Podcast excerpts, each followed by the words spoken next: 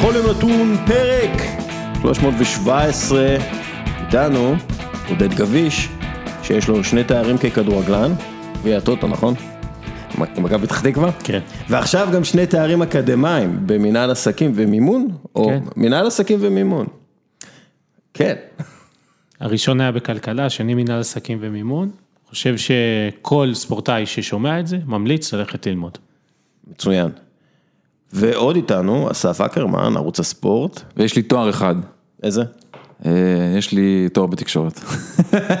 בלי לזלזל כמובן, כן? לי יש אה, תואר אבל יש לי שבעה גביעי אירופה לאלופות אצל מילן. לי יש תואר אחד, האמת היא שתיים, אה, שניים, פודקאסט השנה, פעמיים. טוב, שוער. כן, כן. כן. אה, לא יודע כמה זה רשמי, אבל אה, זה מה יש. זה נחמד שזה הכרה מסוימת. יש דווקא לדבר הזה הכרה מסוימת וזה זה טוב, אני חושב שזה נותן לך מוטיבציה להמשיך. זכיתי גם בשחקן השנה בכיתה ה' באסר רמת השרון. אה, אתה יודע מה אני עשיתי בגיל צעיר, הבאתי אליפות בית ספר אה, בכיתה ט', שברתי את הצורה, בלם על ששם גם גולים. באמת? כן, לגמרי.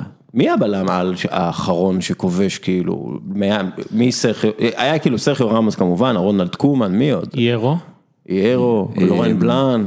אתה לא כבשת נכון? היה לי, היה לי עונה עם שישה שערים בליגת העל. העונה באמת? היה אלסנדרו נסטה, שגם קצת לא כובש כל כך הרבה, אבל היה נותן כדורים לרשת. מטרצי, האמת היא אה, אה, סיניסה, אה, סיניסה מיכלוביץ'. אבל לא היה באמת בלם, היה קשר אחורי כן, שכבש היה מלא קשר שערים. אחורי, אבל הוא נכון. היה- הוא היה גם בלם ב- בתקופה מסוימת. כמה פעמים יצא אני לו. גם כן. אה, ונדייק נחשב נכון, לכובש. נכון, הבלם. נכון, דייק. מה הגובה שלך עודד? אני מטר תשעים בדיוק. מטר תשעים. כן. כן, טוב, אין- היום אין בלמים שהם לא מטר שמונים וחמש פלוס. נכון. כאילו אתה חייב להיות מטר, מטר שמונים וחמש פלוס. אה, זה התחיל מזה שבעבר הבלמים היו גדולים, כי בעיקר שיחקו כדורים ארוכים ושיטת המשחק הייתה שונה, אבל היום כל השחקנים צריכים להיות ורסטיליים, ועל הגובה הזה הם מלבישים כישורים נוספים. היום כהכנה לשידור שאני עושה, לכל שידור שאני משדר, אני תמיד בודק את גובה השחקנים, כמעט כולם. בסוקרווי יש את הגובה של השחקנים, לפחות בכל הליגות הגדולות. אני בודק את הגובה שתמיד יהיה לי, ואני, ואתה רואה את ההבדלים אחר כך באמת בתרגילים מסוימים שה, שהמאמן עושה, וכשהקבוצה מגיעה בכדורים חופשיים, קרנות ועוד, שזה מאוד מאוד משמעותי. כן. אני פעם ידעתי את כל הגבהים של הכדורגלנים, וסליחה, הכדורסלנים, כאילו ברמת היית מעיר אותי באמצע הלילה, דיוויד רובינסון, 2-16. וזה בגלל הקלפים, כן. שאספתי והיה לי מלא קלפים, שדרך אגב אני אה, מוכר דרך אה, עמותת אה, מנהיגות קולעת, שמסייעת לילדים בפריפריה, אתם יכולים לעקוב ולקנות אפילו חלק מהקלפים שלי. אה, אבל לפני שאנחנו פה, אוקיי, גבהים, עניינים, פינת באמיתי בחסות קפה טורקי עילית, יש לי שני נתונים עבורכם, אתם צריכים להגיד לי מה באמיתי ומה לא באמיתי. מוכנים? כן, כן. מצוין, אז ככה, הנתון הראשון, אם מחשבים תארים אירופאים ועולמיים, למילאן יש יותר תארים מאשר ליובנטוס. כל התארים, תארים של, של גביעים, סופר קאפים, כל הדברים האלה, אם מחשבים תארים אירופאים ועולמיים, למילאן יש יותר תארים מאשר ליובנטוס, זה נתון ראשון. הנתון השני, יובנטוס היא הקבוצה היחידה באיטליה עם יותר מ-30 תארים מקומיים. יותר מ-30 תארים מקומיים ליובנטוס והיא הקבוצה היחידה עם יותר מ-30 תארים מקומיים. מה באמיתי ומה לא באמיתי? באמיתי זה שלמילן יש יותר תארים באופן כללי מאשר ליובנטוס, לדעתי מילן היא קבוצה במקום השני או השלישי בעולם, אם אני לא טועה בוקה היא הקבוצה שיש לה הכי הרבה תארים כללי, כללי, כללי בעולם. אם אני לא טועה, אה, סילביו ברלוסקוני פשוט תמיד התגאה בנתון הזה מאוד. אנחנו הקבוצה עם הכי הרבה תארים בעולם, בוא נגיד שמאז קצת עקפו אותו, אבל אני לא חושב שיובה עקפה אותו, כי בוא נגיד שליובנטוס תארים כללי בעולם, פחות. אני רוצה כמובן אה, שאני סומך על דעתו של אקרמן, אבל למען הספורט אני אלך על תלך, תלך על על אופציה ב'. כן. אה, נו דסקל, תן, נו. תן פעם אחת. אתה, אוהד מילאן, נכון? אין לי מושג על מילן, אה? אוקיי, אז ליובנטוס יש 68 תארים. אוקיי. למילאן יש 48 תארים. בינלאומיים אבל. בינלאומיים, לאומיים, הכל. אני יודע, ידעתי שבשנים האחרונות הם עקפו בגן בענק. ואינטר 39 תארים בינלאומיים. אה, למילאן ואינטר יש 30 תארים מקומיים, כן. אבל לא. יותר. לא, מ-30 ליובה. המון יותר. ליובה יש 57. אז אה, עודד גביש, תודה רבה. נתת בראש, אה, השערים שלך שכבשת היו בראש? ב- בעיקר? כן, מלבד אחד. אה, שער, כבשתי, דרך אגב, סיפור מצחיק. כבשתי באשקלון, 4-3 דקה אחרונה נגד אשקלון, קפצתי לקהל וחזרתי ופשוט התרסקתי. אם זה היה היום... משחק זה היה- גביע? לא, בליגה. אוקיי. אם זה היה היום, זה היה ויראלי בטירוף. פשוט התרסקתי. שידרתי איזה, איזה משהו משוגע שם באיצטדיון סלע, איזה 4-3 כזה יכול אז להיות. אה, יש מצב, יש מצב שזה זה. ערן לוי, ליאור אסולין, כל מיני כאלה. יש מצב. קלינגר אימן. קלינג, אה אוקיי, לא, אני שידרתי אז עם עם יובל נעים היה שם. הגענו, הגענו לאספת וידאו של שבוע אחרי, וכל מה שקלינגר הקרין במסך זה אותי מתרסק בחזרה מהקהל. זה היה אדיר. אה, כן, זה הדברים, אתה יודע, זה הדברים שבסופו של דבר... אה, זה מה שזוכרים, זה מה כן. שזוכרים. אה, האמת היא, אנחנו נוכל גם לדבר על זה בהמשך. קראתי איזשהו מחקר מרתק של ה-ECA על האוהד של העתיד, והאוהד של העתיד אה, אוהב הרבה יותר את הדברים הוויראליים האלה מאשר 90 דקות אה, משחק. אבל עכשיו אנחנו עומדים בפני 90 דקות של פודקאסט, אה, זה היה פינת בא אמיתי בחסות קפה טורקי עילית. ובואו נתחיל, אנחנו נדבר הרבה על איטליה בגלל אקרמן ובאופן כללי שהליגה בזכות, זה לא בגלל. כן, נכון. הליגה האיטלקית מתחילה ויכול להיות שאפילו יהיה אוהדים. דרך אגב, רציתי להתחיל את פינת באמיתי עם בכלל שאלה אחרת לחלוטין על קריסטיאנו רונלדו, שאתם יודעים שיש לו הכי הרבה בעיטות חופשיות מוצלחות בליגת האלופות בכל הזמנים, עקף את דל פיירו. וואו. אתם ידעתם את זה? אה, אה, אבל זהו, עד כאן אה, פינת באמיתי, אה, ככה.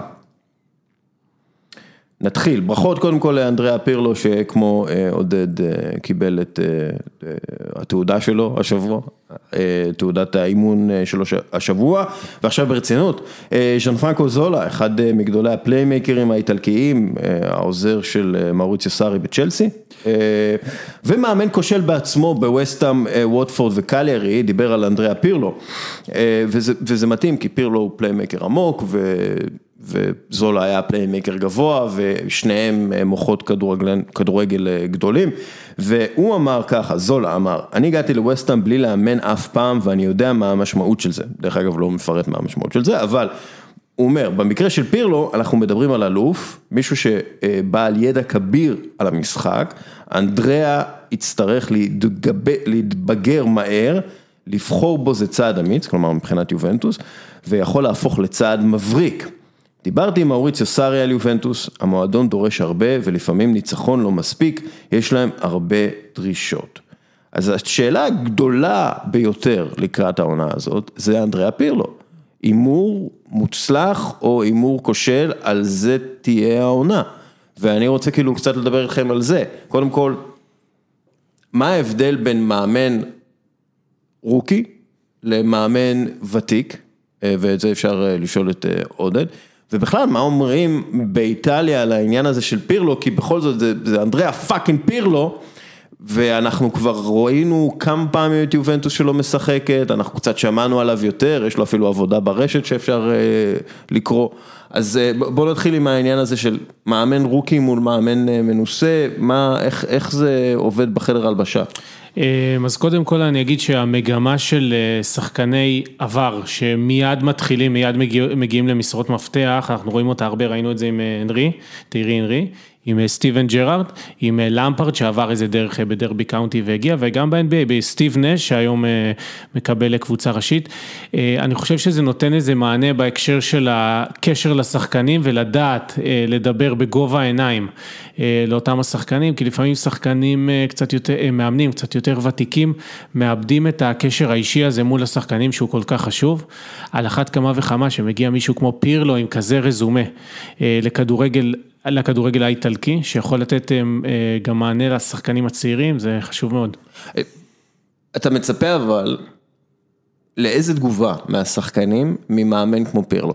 כי היה להם מאמן כמו סארי, שהוא טיפה יותר מבוגר ואתה יודע, הוא לא הצליח להעביר את התפיסת כדורגל שלו, לא הצליח לתקשר בדיוק את מה שהוא רוצה. איך התקשורת עכשיו, לפי דעתך, תעבוד עם מאמן אה, צעיר, דרך אגב, וויראלי כל כך, כמו פירלו, מישהו שהוא, שהוא ממש דמות. נגעת בדיוק בנקודה, והנקודה זה התקשורת. תקשורת זה הפרמטר אולי החשוב ביותר בין אה, מאמנים לשחקנים. תקשורת כאילו, תקשורת בין אישית, לא תקשורת... כן, אה, כן, כן, תקשורת בין אישית, כמובן. תקשורת המונים. לא, לא, לא, תקשורת בין אישית בין השחקנים למאמנים. ופה ה upside, פה היתרון הגדול, הזכרת מאמן ותיק שלא הצליח, אני חושב שהמגמה הזאת של ללכת עם מאמנים צעירים, שמדברים בגובה העיניים, שמביאים מזה אולי אפילו edge טכנולוגי, אה, זה משהו בהיבט האישי בין השחקנים, זה משהו שבהחלט יכול לעבור לדור האינסטנט, דור הזה שגדל עכשיו מהשחקני נוער, אני אתן דוגמה קטנה, שחקני נוער היום שעולים לקבוצות הבוגרים, אני ראיתי את זה גם בארץ, הם הרבה יותר נגישים עם השחקנים הבכירים, בעבר היית נכנס לחדר הלבשה, יש אין סוף סיפורים כאלה, היית מפחד לדבר שנתיים, שלוש, היום זה לא קיים בגלל הרשתות החברתיות, בגלל אה, הרבה מגמות שקורות, אבל החיבור בין מאמן צעיר לשחקנים, סליחה, הוא חשוב, טוב ויכול אה, לתת ערך מוסף לקבוצה. תראה, לגבי פירלו, אתה דיברת גם, אז גם אני אדבר על תקשורת, אבל באמת על תקשורת ההמונים ועל טוב, אתה- תקשורת יש לך האחרת. תואר בתקשורת. בדיוק. תראה, אנדריה פירלו, רק אנשים עם תואר מדברים כאן, אין פה... תראה, פירלו, ברמת התקשורת האיטלקית, מתייחסים אליו מן הסתם כמובן כמאמי מאמי לאומית לגמרי, הוא כן יעמוד למבחן, אבל הוא לגמרי יקבל את 100 ימי החסד האלה מהתקשורת. זה בן אדם שעד לפני כמה רגעים ישב בקלצ'ו קלאב, זו אחת התוכניות הגדולות של סקאי ספורט איטליה, שמדברים בכדורגל ברמה הכי גבוהה שיש, עם הפרשנים הכי גבוהים שיש, כולל שחקנים זה- גדולים. זה באמת מדהים לאיזה רזולוציות הם מגיעים שם. זה כן. כאילו, זה- זה מדהים, לא, באמת. הרבה אנשים לא מבינים שאיטליה והתקשורת האיטלקית בכלל, ההתעסקות שם בספורט היא לרמת הטקטיקה מטורפת. זאת אומרת, כל יום ראשון בגזטה דו לספורט, רגע לפני מחזור, מפורט בעיתון, טקטית, שלושה ארבעה עמודים, איך כל קבוצה הולכת לשחק, מה השינויים, כמה, ממש ככה. וזה ברמת ה... שוב, בגלל שאני מדי פעם אני אה, צופה בזה, זה ברמת ה... איך הוא קיבל את הכדור, איך הוא פתח את הגוף, ממש, ממש כמו אימון, זה- זה מדהים. אבל- אחד, אחד הכותרות שתמיד יש בעיתונים רגע לפני זה אולטימט דיי קמפי, זה מה, הדברים האחרונים מתוך המגרש, מה שהולך להיות, ההרכבים, אה, ומתעסקים בזה בצורה מדהימה. פירלו הוא באמת אה, מאמי לאומית ברמה תקשורתית, הוא יקבל קצת את ה... גם אם התוצאות ילכו פחות טוב נקרא לזה כך, גם אם הכדורגל יהיה קצת פחות שמח, אבל העיקר זה להביא את הניצחונות. אה, אני חושב שגם ההנהלה של יובנטוס ואיך שהם מדברים ב- ב- בתקופה האחרונה זה גם כבר להוריד ממנו את הלחץ של עניין של ליגת אלופות. הם הבינו שלדבר כל הזמן על הצ'מפיונס ליג עושה לו טוב, ומה מדברים עכשיו? להביא את הסקודטו העשירי ברציפות, זהו, זו המטרה שלך פירלו, תעשה את זה, עשית, עמדת, ב- עמדת בעניין. ובכלל פירלו הוא, הוא, הוא משהו אחר ברמת דיבור, זאת אומרת אנחנו מכירים אותו לפחות מהשיחות שלו קצת יותר, ברמה התקשורתית לפחות, הוא לא בן אדם שמרבה לדבר יותר מדי, גם עכשיו במהלך הקורונה בסגרים הוא עשה מלא פעמים אינסטגרם, לייבים, לייבים אינסטגרם עם הרבה מאוד שחקנים. ובוא נגיד ככה, שהאחוז דיבור שהוא דיבר ותמיד השחקן השני זה היה ברמת ה-30-70, הוא היה עשה רעיון עם אה, נסטה, עשה רעיון עם קנברו, קנברו קשקש ונתן סיפורים והוא 4-5 מילים בסך הכל. אבל זה הדרך שלו, אבל אני... אגב, זה משהו שגם אמרו על אה, זידן. אני זה- חושב שזה נכון, כן, אתה רואה את זידן- מסיבות העיתונאים שלו. כן, אבל זידן- אגב, ז- סליחה שאני עוצר אותך, זידן אבל, אה, אני חושב שגם פירלו אולי גם במקום הזה, זידן אומר מעט, אבל אומר המון. בדיוק, זה, בוא, בוא, אתה יודע, יש הרבה פעמים, ואני יודע את זה ממאמנים, דרך אגב, שלפי דעתי גם אימנו אותך, שמאמנים, יש, יש לי חבר כדורגלן שאמר לי, תקשיב, יש איזה מאמן, הוא גאון כדורגל בכל מה שקשור ל... לכל מה שקשור ללא למגרש. הוא גאון, הוא מבין את הכדורגל ברמה האדימה, הוא לא מבין מה קורה במגרש. והוא מקשקש בחדר הלבשה, אתה מת. אה, אתם יכולים לנחש מזה. ו... אתה יודע, כמה חשוב זה, המילה במקום, בזמן הנכון, בעיתוי, כלומר הדברים הקטנים האלה, שבעצם בהם לזידן ולפירלו וללמפרד יש יתרון גדול על כל מי שזה לא יהיה. אה, אני יכול לתת דוגמה, אה, שמית אפילו, כי זו דוגמה חיובית, אז אני אשמח. אה, רן בן שמעון, מאמן ישראלי. כמעט כל שחקן שעבר דרכו יגיד לך שהוא בדיוק האדם הזה, בדיוק המאמן הזה שיודע להגיד את המילה הנכונה אה, בזמן הנכ- הנכון וגם את ההערה המקצועית. בסוף האינטראקציה בין שחקנים אה, למאמן היא לא דרך אמצעי התקשורת, לא רואים את הראיונות של המאמן, אלא באמת בניואנסים קטנים במהלך אימונים, במהלך ההוויה הסביבית חדר, סביב חדר ההלבשה ובאספות. וזו הדרך היחידה בעצם של המאמן להעביר את המסר שלו. אני יכול להגיד לך שהרבה מאוד מאמנים, בדיוק כמו שאמרת, נופלים בקטע הזה של העברת המסרים הנכונה ודרך העברת המסרים הנכונה. אה, ושוב, אה, פה הדור הצעיר של המאמנים מבין את זה, כמו שאמרת, גם פירלו נמצא בטלוויזיה, נמצא ברשתות, יודע להתבטא, וזה חשוב מאין כמוהו. הוא נמצא, מאמני כדורגל ברמות האלה נמצאים ברמה התקשורתית הרבה יותר מראשי ממשלות וכל האנשים האחרים, אתה יודע, דיוויד בלאט תמיד אמר את המשפט הזה, של אני מדבר בתקשורת הרבה יותר מכל אחד במדינה בכמות מטורפת, לפני משחקים, אחרי משחקים, ברעיונות מיוחדים והכל, ופירלו יצטרך גם לדעת לעמוד בזה, ושוב, זה לא נראה כמי שמלחיץ אותו יותר מדי. כן. אה, הסוד של זידן דרך אגב, זה להיות להיות הכי משעמם בעולם במסיבות עיתונאים. הוא רוצה לסיים את המסיבות עיתונאים. אבל נכון, אבל עדיין... והוא עושה את זה בכוונה, דרך אגב, אני יודע בוודאות לא, שהוא נכון, עושה את זה בכוונה. אבל עדיין, אתה יודע, אני, לפני משחקי ליגת אלופות, אני תמיד מקשיב לכל מסיבות העיתונאים כמעט, ממש, ברמת ה-25 דקות כל מסיבת עיתונאים של המאמנים הגדולים. מקשיב, אבל זידן אומר המון, זאת אומרת, הוא נותן שלושה משפטים, אבל השלושה משפטים האלה הם משפטי מחץ, באמת, וכאילו, והם מספרים את הסיפור של כל מה שהוא באמת חושב, הוא לא מסתיר יותר מדי. ואיזה ספרדית יש לו? ספרדית נהדרת, זה נכון, ותמיד יש את העיתונאי הזה שרוצה ממנו גם שידבר בצרפתית, זה אני אף פעם לא... לא, אבל יש לו ספרדית והוא מדבר כאילו ספרדית כמו מדרידאי, כן. ואז יש לו כאילו טאץ' כזה שהוא פתאום אתה מבין שהוא צרפתי, זה משהו כזה, זה נחמד מאוד. אם אני חוזר לפירלו... אוקיי. תחזור לפירלו, תחזור, תחזור. אה, דבר, לא, דבר פירלו, לא, דבר פירלו. פירלו זה, זה, אז ברמה הטקטית, אז כמובן גם הוא דיבר על זה 4-3-3, זה המשחק שהוא רוצה לשחק, אה, יותר לחץ על הכדור, אבל לפירלו יש, אם אנחנו מסתכלים על הסגל של יובנטוס, ברמת תקשורת מול שחקנים, שתי גישות עכשיו. הראשונה, הגישה מול קריסטיאנו רונלדו, הכוכב הגדול ביותר של הקבוצה, וצריך לדעת להסתדר ולדבר אליו אחרת, גם זידן דיבר אליו אחרת. לא מעט משחקים, אה, קריסטיאנו רונלדו היה בפלמה דה מיורקה, בחוף ים, כשהקבוצה שלו שיחקה כדי להוריד עומס, וזה היה כנראה נכון, כי זה עבד ברמת התארים וההצלחות. והצד השני, פירלו יקבל המון המון גיבוי בתוך חדר ההלבשה, כי יש לו את השחקנים שהוא שיחק איתם. ויש לו את ג'אן לואיג'י בופון, שזה תרומה אדירה לחדר ההלבשה, קיאליני שנמצא שם, בונוצ'י, זה שחקנים שכל כך מכירים אותו, יודעים מי היה כשחקן, יודעים מאוד יהיו עכשיו לכבד אותו כמאמן, גם לבופון זה הולך להיות מוזר, הוא כתב את זה באינסטגרם שלו, כשהוא בירך אותו, אמר לו, עכשיו אני צריך להתחיל לקרוא לך מיסטר, פתאום, זה אחרת. אז אני חושב שדווקא ברמה הזאת זה קרקע נהדרת, והרבה מאוד מאמנים בתוך איטליה אמרו את המשפט הבא על פירלו, זה שהוא מתחיל ביובה, זה בשבילו נקודה מאוד מאוד חיובית, מאוד. אם הוא היה הולך לקבוצה אחרת, קטנה יותר, להתחיל מלמטה, היה לו הרבה יותר קשה. כן, אה, אני לא רואה את פירלו כל כך מתחיל, אתה יודע, בנבנטו או משהו, זה לא, אני לא רואה את זה קורה. נכון, אה, אבל, אבל גם מאמנים, אתה יודע, הנה אותו אחד שבבנבנטו, העלה אותם ליגה, פיפו אינזאגי, התחיל במילאן, אמנם מילאן שהייתה פח, כן. מה שהוא קיבל שמה, אבל התחיל בקבוצה גדולה וזה קצת פחות הלך. אוקיי, אה, יובנטוס פרסמה את הדוחות הכלכליים של החודש, ההכנסות ירדו ב-51 מיליון יורו ל-570 מיליון יורו, ההפסדים, אני מדבר ביחס לשנה שעברה, mm-hmm. ההפסדים עמדו על אה, כמעט 70 מיליון יורו, שבשנה שעברה הם עמדו על 40 מיליון יורו, ההפסדים לפי ההסבר של יובנטוס והדוחות הכלכליים שלהם, זה בעיקר בגלל הקורונה והאפקטים שלה. וגם לדעתי אם אני מוסיף את זה, זה שהם עפו בשמינית גמר ליגת האלופות, שזה כישלון מאוד גדול. כן, זה, זה ההסבר הכלכלי שלהם, צפי לעונה הזאת, גם כן המשך הפסדים כספיים משמעותיים. איך זה מסתדר עם העניין הזה שהיגואין דורש חלוץ ולואיס סוארז, סליחה. כן.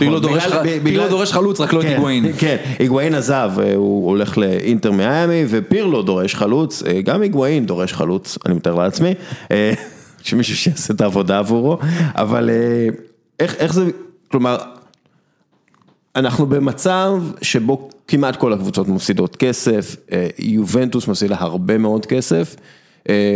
בגלל שהיא הפסידה לפני הכניסה לעניין הזה של הקורונה ויש לה תקציב שכר אדיר ושחקנים מאוד יקרים והוא דורש חלוץ, מה, מה, אתה יודע? לא, קודם כל בוא נסתכל על הסגל שלו, אין לו ברירה, הוא חייב תשע. חייב חלוץ תשע, אין, פשוט אין לו אף אחד בסגל שעומד במקום הזה, אין ברירה, ואחד המהלכים גם שאני חושב שבסופו של דבר לואי סוארז לא יגיע ליובה, זה גם מילה עניין כלכלי, זאת אומרת ההלוואה של לואיס סוארז היא יותר יקרה מהעניין של זקו, אולי לא בעשרות מיליונים יותר, אבל היא יותר יקרה.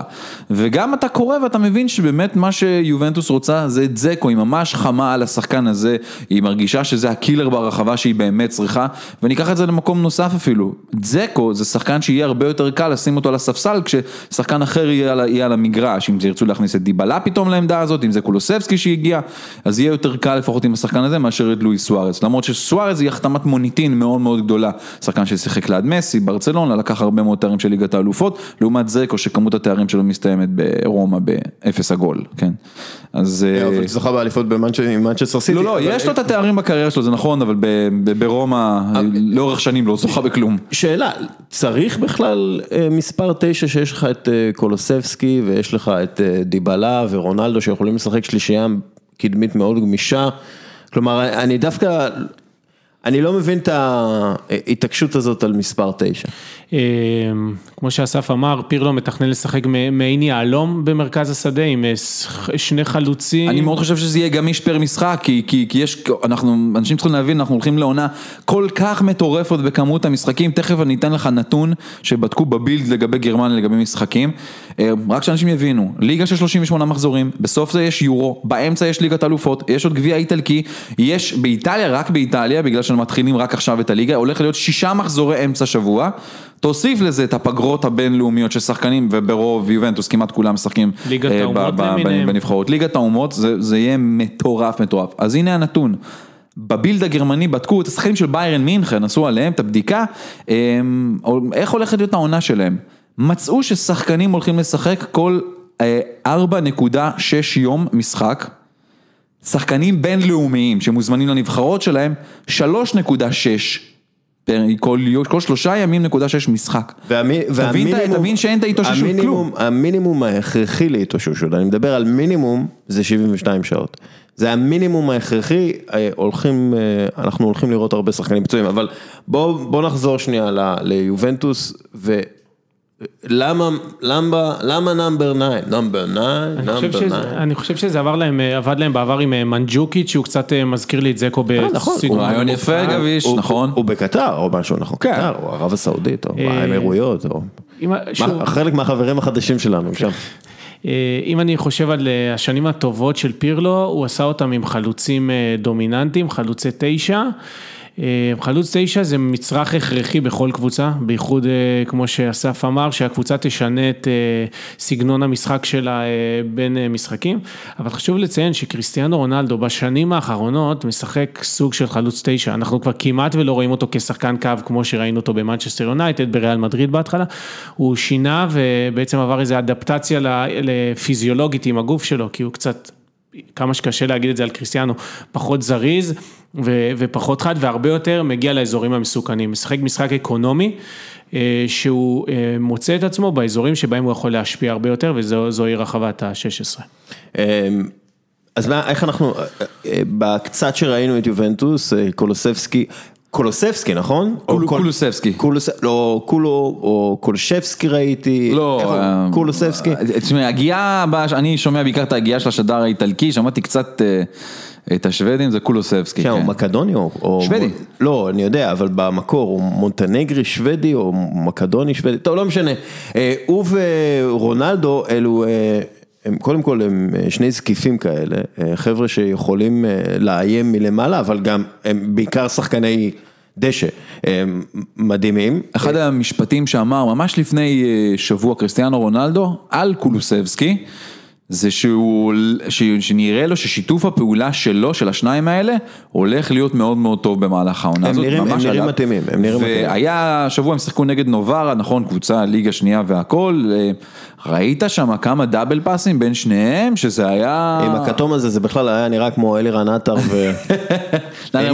עם מי הוא היה שותף שם בבני יהודה? היה לו שם, נו, איך קראו לו? עם אלירן עטר? אלירן עטר ו... נו, מי, מי שיחק איתו שם? מי שיחק איתו ב... הוא היה מבשל לו איזה מיליון אסי, שם. היה סיבלדות כאלה. היה את אסיה, אבל לא... כן, טוב, בסדר, לא משנה. אני רוצה להגיד מילה, אה, יש מעברים שהם מעברי קריירה לשחקן. לצורך העניין, אה, נלך לכיוון השני, מישהו זוכר את אה, אריאן רובן נגיד בריאל מדריד? כמעט ולא. נכון. אה, בצ'לסי, הוא, אה, הוא עשה שנים טובות לצורך העניין בגרמניה. אני חושב ששם שלא הזכרנו, שזה ארתור, שמגיע ליובה מברצלונה, המעבר הזה והחיבור עם פירלו, יכול להיות אה, Game Changer לכל הקריירה שלו. אני, אני הולך איתך לגמרי לעניין הזה, זה ארתור שמגיע ו, אה, וזה גם כנראה מה שהייתה צריכה יובה, כי הייתה בעיה שלה בקישורת הנוראית, אבל יש גם נורה אדומה אם אנחנו יורדים פאזה אחת למטה. ההגנה של יובנטוס אנחנו זוכרים בעונה שעברה, ספגה כמות שערים פשוט מטורפת.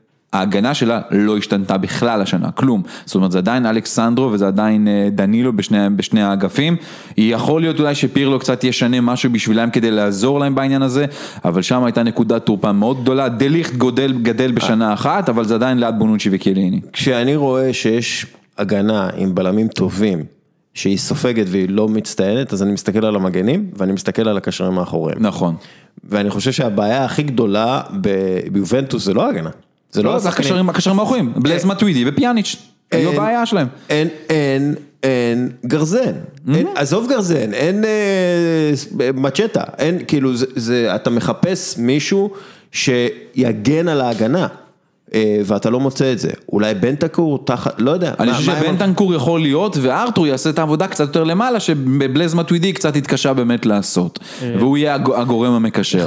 אבל אני, סליחה שאני עוצר אותך, אבל יש עוד כמה שחקנים שיכול להיות שבאמת פתאום יתחילו להתפתח תחת פירלו. למשל נגד נובר, ראיתי את אהרון רמזי, שעושה דברים ממש ממש נחמדים. אל תבנה עליו.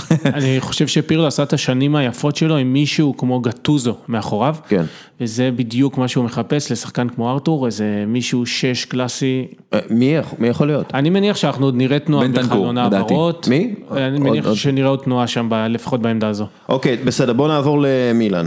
אה, יש. הקבוצה שלך, אנדרי שבצ'נקו דיבר על אה, זלטן איברהימוביץ', והוא אמר, אנדרי שבצ'נקו, לצעירים שלא מכירים, אה, הוא לא המאמן של אוקראינה, הוא גדול, אה, אחד מגדולי חלוצי אה, מילאן בכל הזמנים. גדול, לא, ובכלל לא. בליגה האיטלקית. מרקו ון בסטן הוא גדול חלוצי מילאן בכל הזמנים, לא אכפת לי כמה שערים אה, שבצ'נקו כבש וכל השאר, מרקו ון בסטן. אה, אז הוא אמר על אה, זלאטן, אם עדיין יש לו מה לתת, אם, אם הוא עדיין עם מוטיבציה, אני הייתי נותן לו לשחק כל הזמן. הוא חייב להיות בקבוצה, בחודש, בחודשים האחרונים הוא עשה בדיוק מה שציפו ממנו, שיחק עם אינטליגנציה, הדריך את חבריו לקבוצה, זלאטן תמיד מגיב טוב על המגרש. עכשיו, זלאטן סוג של השאיר את אה, פיולי, לא? כלומר, כאילו מילאן הלכו בעצם עליו ועל פיולי, במקום התחלה מחדש עם אה, רלף רגניק. לגמרי, זה רק, קודם כל כשאתה מדבר על זה, אני שאתה רואה את הגוס במפס, באמיתי אומר לך את זה, פשוט ככה, כן, ככה זה, נכון. אמיתי לגמרי, אני כולי, זה השחקן שאני פשוט משוגע עליו ברמות, וההגעה שלו למילאן שינתה את הכל, שמו קסטייחו, עשה רעיון אתמול למדיאסט ספורט, ו- ושאלו אותו על כל הסיפור של השחקן הזה, מה עושה איברה, והוא אומר, עם איברהימוביץ', אתה פשוט לא יכול לטעות. אסור לך לטעות, כי אם אתה נותן מסירה לא טובה, הוא נותן לך מבט. אם אתה עושה הגבהה לא בסדר, הוא בא וייתן לך מכה. אם אתה הם, עושה דריבל פשוט לא נכון ולא מוסר את הכדור בזמן, הוא ייתן לך איזה שאגה. אתה לא יכול לטעות. והוא אומר, אנחנו לא יכולים לטעות, אבל אנחנו מרגישים תמיד שהוא נמצא שם בשביל לעזור ולתקן. הוא שינה את כל הדרך בחדר ההלבשה. הוא אומר, זלאטן לא מפסיק לדבר. לא מפסיק. בחדר ההלבשה, באימונים, במשחקים, הוא תמיד מדבר. עכשיו, כשיש, ומספר, יש לך לך לחץ מאוד גדול לשחק ליד בן אדם כזה, והלחץ הזה מוציא ממך דברים מאוד מאוד חיוביים. איברה ברמת המספרים, הוא, זה לא גימיק מי שהגיע בינואר, זה פשוט מטורף, אדם נתן גולים, נתן בישולים, עשה ושינה את כל הרוח. לגבי פיולי, קסטייחו אמר את הדבר שהוא לדעתי אולי הכי התחבר אליו עודד גביש. הוא אמר, אתה מרגיש עכשיו שפשוט יש מי שמגן עליך, אתה מרגיש מוגן כשהמאמן הזה נמצא. וזה נראה לי משהו שמשנה לגמרי את הגישה, וזה מוציא מהשחקנים האלה יותר. הוא קצת סידר גם טקטית את מילן איך נראית על המגרש. שמע, אחד השחקנים שאני הכי שונא ולא יכול לראות במילן זה צ'לנולו. וואלה, היה שחקן העונה שעברה, בוא נודה על האמת. אבל אה, בוא נדבר שנייה על, על כי, כי אם זלאטן משאיר את פיולי, באיזשהו מקום פיולי חייב להשאיר את זלאטן.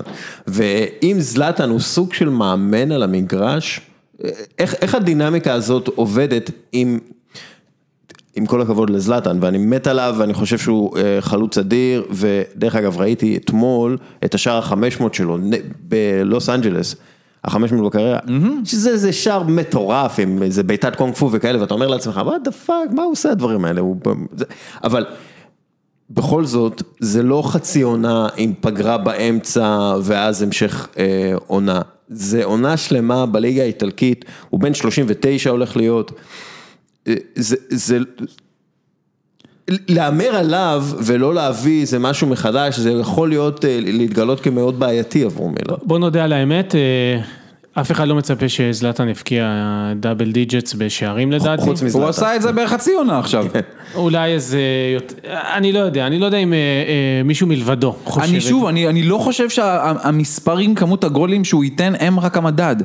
זלאטן במגרש תופס שני בלמים, הוא מפנה את כולם, הוא רואה, הנגיעה שלו בכדור היא פשוט מדהימה. תראה מה הוא עושה לרביץ', לאן הוא לקח אותו. אני שיחקתי עם אה, רדה פריצה במכבי פתח תקווה, והוא אחד החברים הכי טובים של זלאטן, והוא סיפר עליו כל כך הרבה סיפורים שראיתי את ה... The לנו. Last Dance של מייקל ג'ורדן, זה פשוט הרגיש לי אה, אחד לאחד. נו, אז ספר, ספר איזה סיפור אותו. של וואו. רדה פרצה, דבר, דבר. אני. עוד יותר מתרגש עכשיו. נו, כן, הם מספרים שבאחת מהנבחרות הצעירות, לדעתי אה, עד גיל 21 או משהו כזה, או אפילו בנבחרת שהם היו צעירים, פשוט הגיע איזה שחקן שהיה לא טוב באימון, וזלאטן עצר את האימון ואמר למאמן, תוציא אותו מהאימון, הוא לא יכול להיות כאן, תוציא אותו, ועמד ופשוט שילב ידיים עד שהבן אדם, עד שאותו שחקן יצא מהאימון.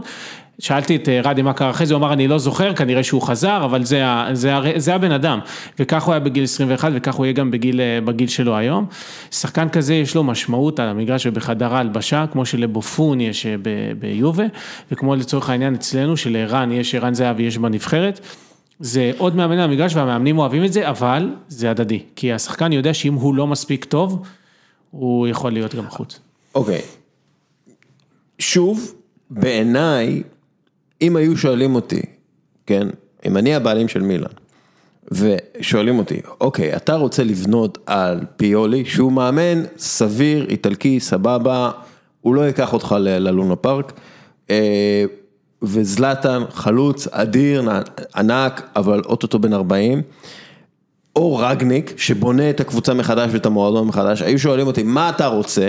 אז אני אומר, רגניק, כי אני לא יכול לבנות על זה שזלאטן יהיה על המגרש, או אגב, על מגרש האימונים במשך יותר מדי זמן, כי עם כל הכבוד, עדיין זה גוף של בין אה, 40, ופיולי, בוא נגיד, אוקיי, סבבה, הוא ייקח אותי למקום 50.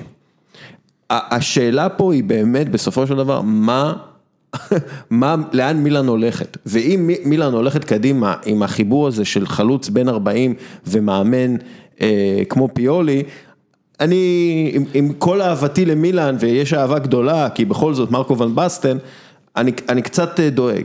תראה, זה, זה כנראה עונת מבחן ואיפשהו אולי עונת הניסיון לקפיצת מדרגה גם עבור פיולי. גם הוא מבין שהוא קיבל פה הזדמנות אדירה, ושוב, אני חוזר בכל זאת לסוף העונה שעברה, מילאן ניצחה כמעט את כל היריבות שמעליה, דבר שלא קרה בשנים אתה האחרונות. יודע מה זה false positive? אה, אני יכול לשער לעצמי את התיאוריה, כן. או פתאום אה, אנחנו מגלים שיש לו אה, קורונה. אבל, אה, לא, אבל- זה לא קורונה באמת. כן, אבל אתה- אתה יודע, אז כאילו, אבל אתה רואה, אבל אתה רואה מאמן שבכל זאת שיפר את השחקנים. זאת אומרת, שוב, אני, אני הולך לרביץ', אני הולך לאקן, אני הולך לקסי, אני הולך לבן ואת- ואני זוכר מה היה בפתיחת העונה, שהשחקנים האלה נראו כמו, כמו של, אנשים שלא קשורים אחד לשני או לא קשורים למקצוע.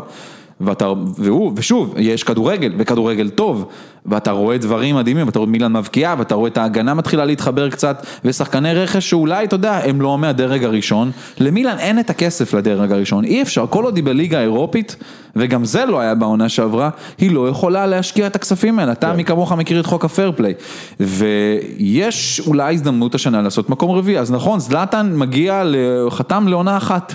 אה, ויכול להיות שהוא גם לא ישחק את כל המשחקים, וזה גם יהיה בסדר, ויהיה רביץ' ויהיה רפאל לאהו שאמור להתפתח קצת יותר, וזה אחד הפרויקטים של זלאטן השחקן הזה, רפאל לאהו, אמ, אז יצטרכו לשנות כמה דברים, ופתאום הביאו את אחד הכישרונות הגדולים של אה, הכדורגל האיטלקי, שאני רק אה, מקווה, סנדרו כן. טונאלי, שאני רק מקווה שבאמת הכל יתחבר, שוב, הוא בסופו של דבר, תכלס, ירד ליגה עם ברשיה, כשהוא היה מלך הבישולים שלה, והיה כדורגל נהדר וטכניקה מצוינת, אבל תוצאות זה עדיין צריך... זה לא היה. רומנטי שהוא יגיע לפירלו ביובנטוס? הוא רק נראה כמוהו, הוא לא אמר- באמת משחק הוא כמוהו. אמר- הוא אמר, ברגע שלמדתי שיש אפש- אפשרות להצטרף לרוסונרי, סגרתי את הדלתות בפני כולם, מילאן רוצה אותי, אני חייב ללכת למילאן, זה מה שטונאלי אמר, זה סוג השחקנים שאתה רוצה אצלך, וחוץ אני, מזה שהוא אני, אני, פנטסטי, אני אבל- אגיד לך, זה לא רק, אתה, הש- השחקן הזה, אני רוצה אותו אצלי, לא רק בגלל ברמת מה, מה הכדורגל שהוא יודע לתת. זה שחקן שרוצה לבוא אליי. כן, כן, כמה זה מה שאני אומר. כמה שחקנים אמרו, אני רוצה לבוא למילאן, שחקן שהודיע על ההחתמה שלו במילאן, או לפני הקבוצה הראשונה. רשמית, הוא שחרר באינסטגרם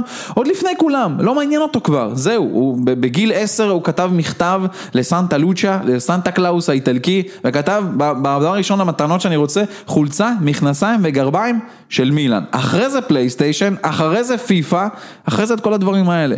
אז כששחקן כזה מגיע, זה בשבילך פותח את כל הצ'קרות. אה, טוב, זלאטן אה, אולי באמת בן 39, אבל למילאן, חוץ מטונאלי, יש את, אה, הם הביאו את בראהים דיאס מריאל מדריד, רפאל שאלה טובה. ליאו, תיאו הרננדז, בן אסר, הבלגים שלכם, איך קוראים לו?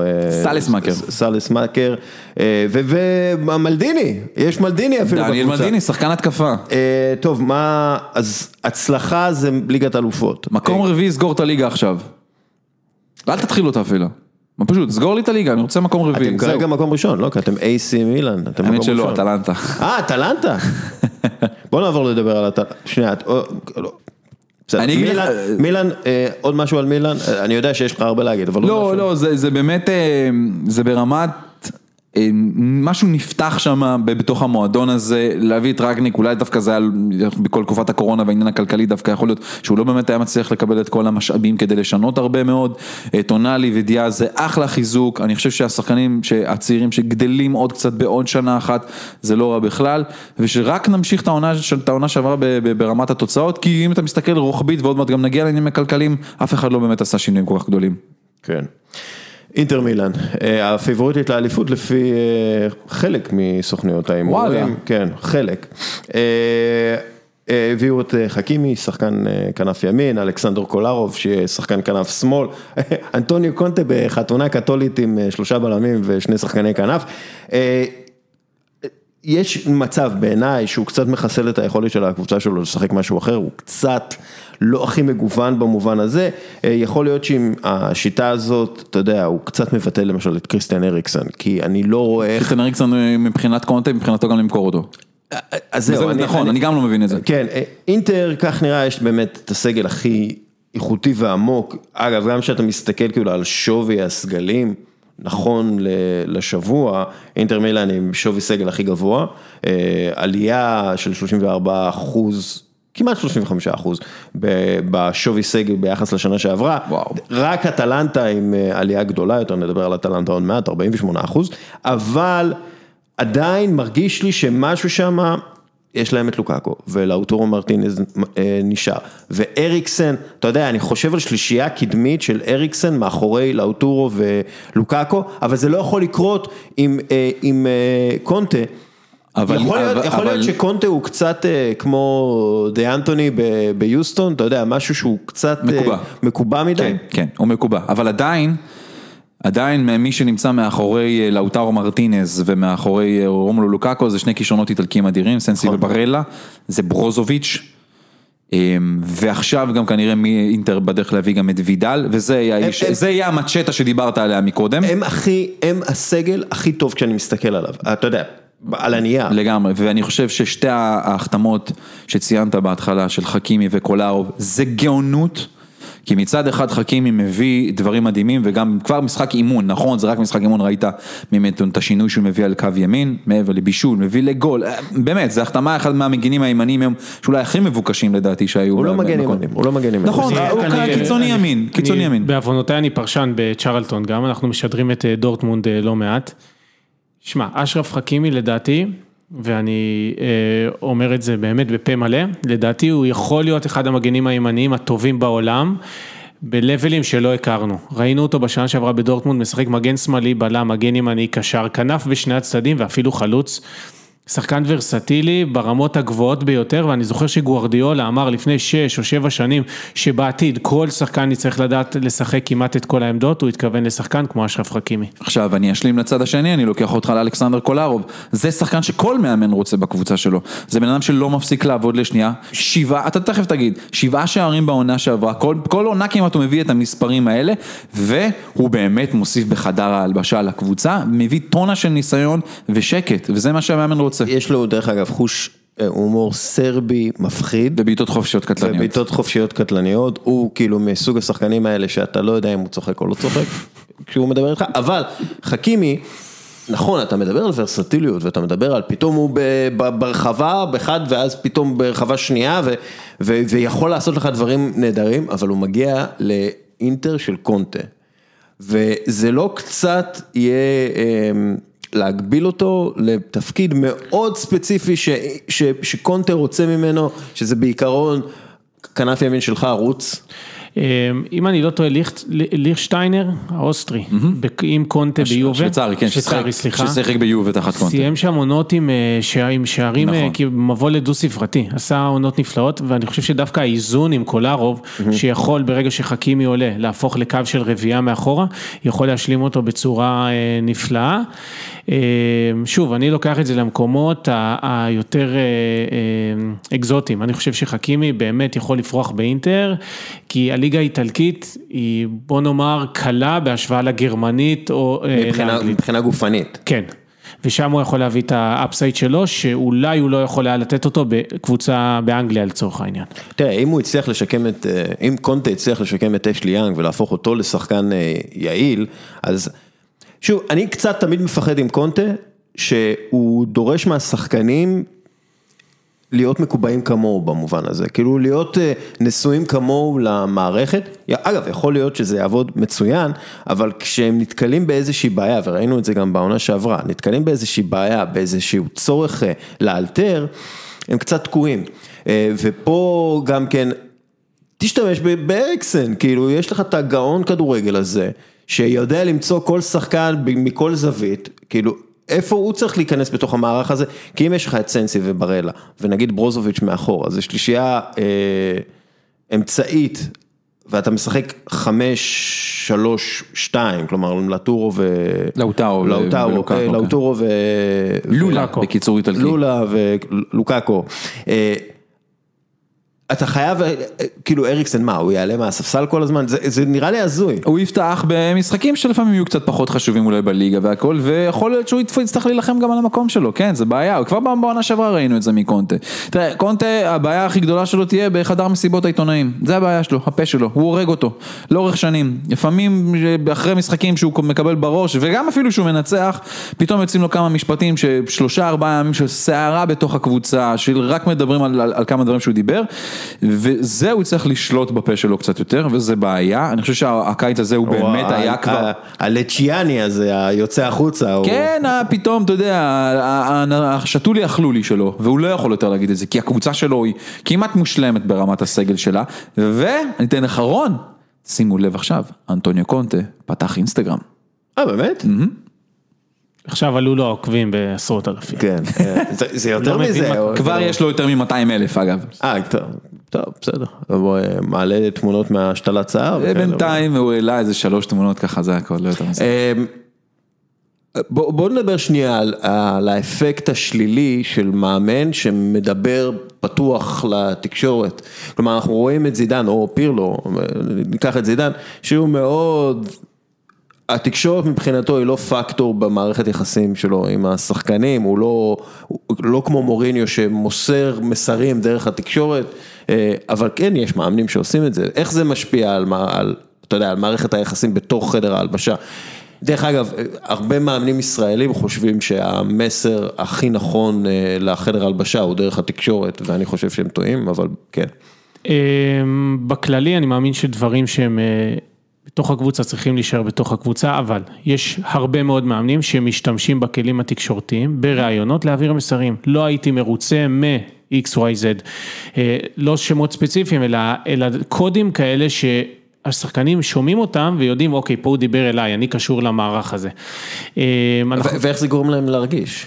אמ, זה לא- זה די אינדיבידואלי נראה לי, לא? כן, יש שחקנים מסוימים ששומעים מהמאמן שאומר אנחנו רוצים עוד להתחזק בשחקן התקפה ולצורך העניין אותו להם שחקן לחץ. התקפה, בדיוק, או שהוא ייקח את זה למקום חיובי ומעכשיו יהיה יותר טוב בשביל שלא יביאו שחקן, או למקום שלילי שזה יוריד לו, אה, יוריד לו את הביטחון. אני זוכר בעונה הראשונה שאני חתמתי בהפועל באר שבע, הגעתי מליגה לאומית, הייתי בלם שישי בסגל וניר קלינגר עוד אמר אה, אנחנו עושים הכל כדי להחתים את שי מימון, שבזמנו ממכבי חיפה, שזה היה הופך אותי לשביעי. עכשיו, אני בתור שחקן צעיר שאז באמת לא הבין כלום, אני פשוט השארתי את זה בצד ועשיתי הכל והפכתי עד הליגה כבר, במחזור ראשון פתחתי בהרכב. עכשיו, זה, זה דוגמה ל, ל, ל, עליי שלקחתי את זה לכיוון חיובי, ואני יכול להגיד לך שאני יודע שבדרך כלל שיש דיבורים של מאמן, אני הולך להביא קשר, אנחנו מחפשים להתחזק במרכז השדה כאלה, זה מוריד להרבה מאוד שחקנים את הביטחון. כן, יש הרבה מאמנים שמשתמשים בתקשורת בשביל הדברים האלה. כן, מעניין אותי מתי מאמנים ייכנסו בסוף משחק, גם אחרי הפסד, ויגידו, חבר'ה, אני הולך להגיד בתקשורת א', ב', ג', תהיו מוכנים, תהיה סערה קטנה. יש כאלה, יש. כאלה, הרבה פעמים אה, אה, שיש עניינים לצורך העניין עם הבעלים, אז המאמן אומר, אה, מגבה את הבעלים, אה, נגיד על משכורות, על כל כן. מיני דברים כאלה, מגבה את הבעלים בתקשורת, אבל מגיע לשחקן ואומר, חבר'ה, עשיתי את זה בשביל למנוע בלאגן, אני איתכם, אנחנו עובדים על זה, וככה.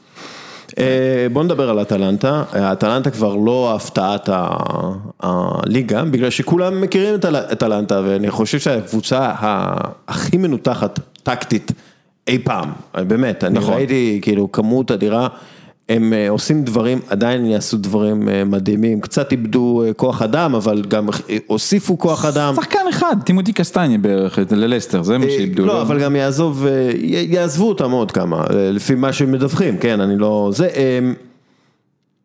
אה, איפה אנחנו רואים, פפו גומז הצליחו להשאיר אותו. בהצלחה, אה, פפו גומז- זה מה הולך, זה רק לעניין כסף, אבל הוא הבין שתחרותית שווה לו לגמרי להישאר. ואיליצ'יץ' חוזר, ולפי מה שאומרים הוא נראה טוב באימונים, והוא אה, חביב והכל.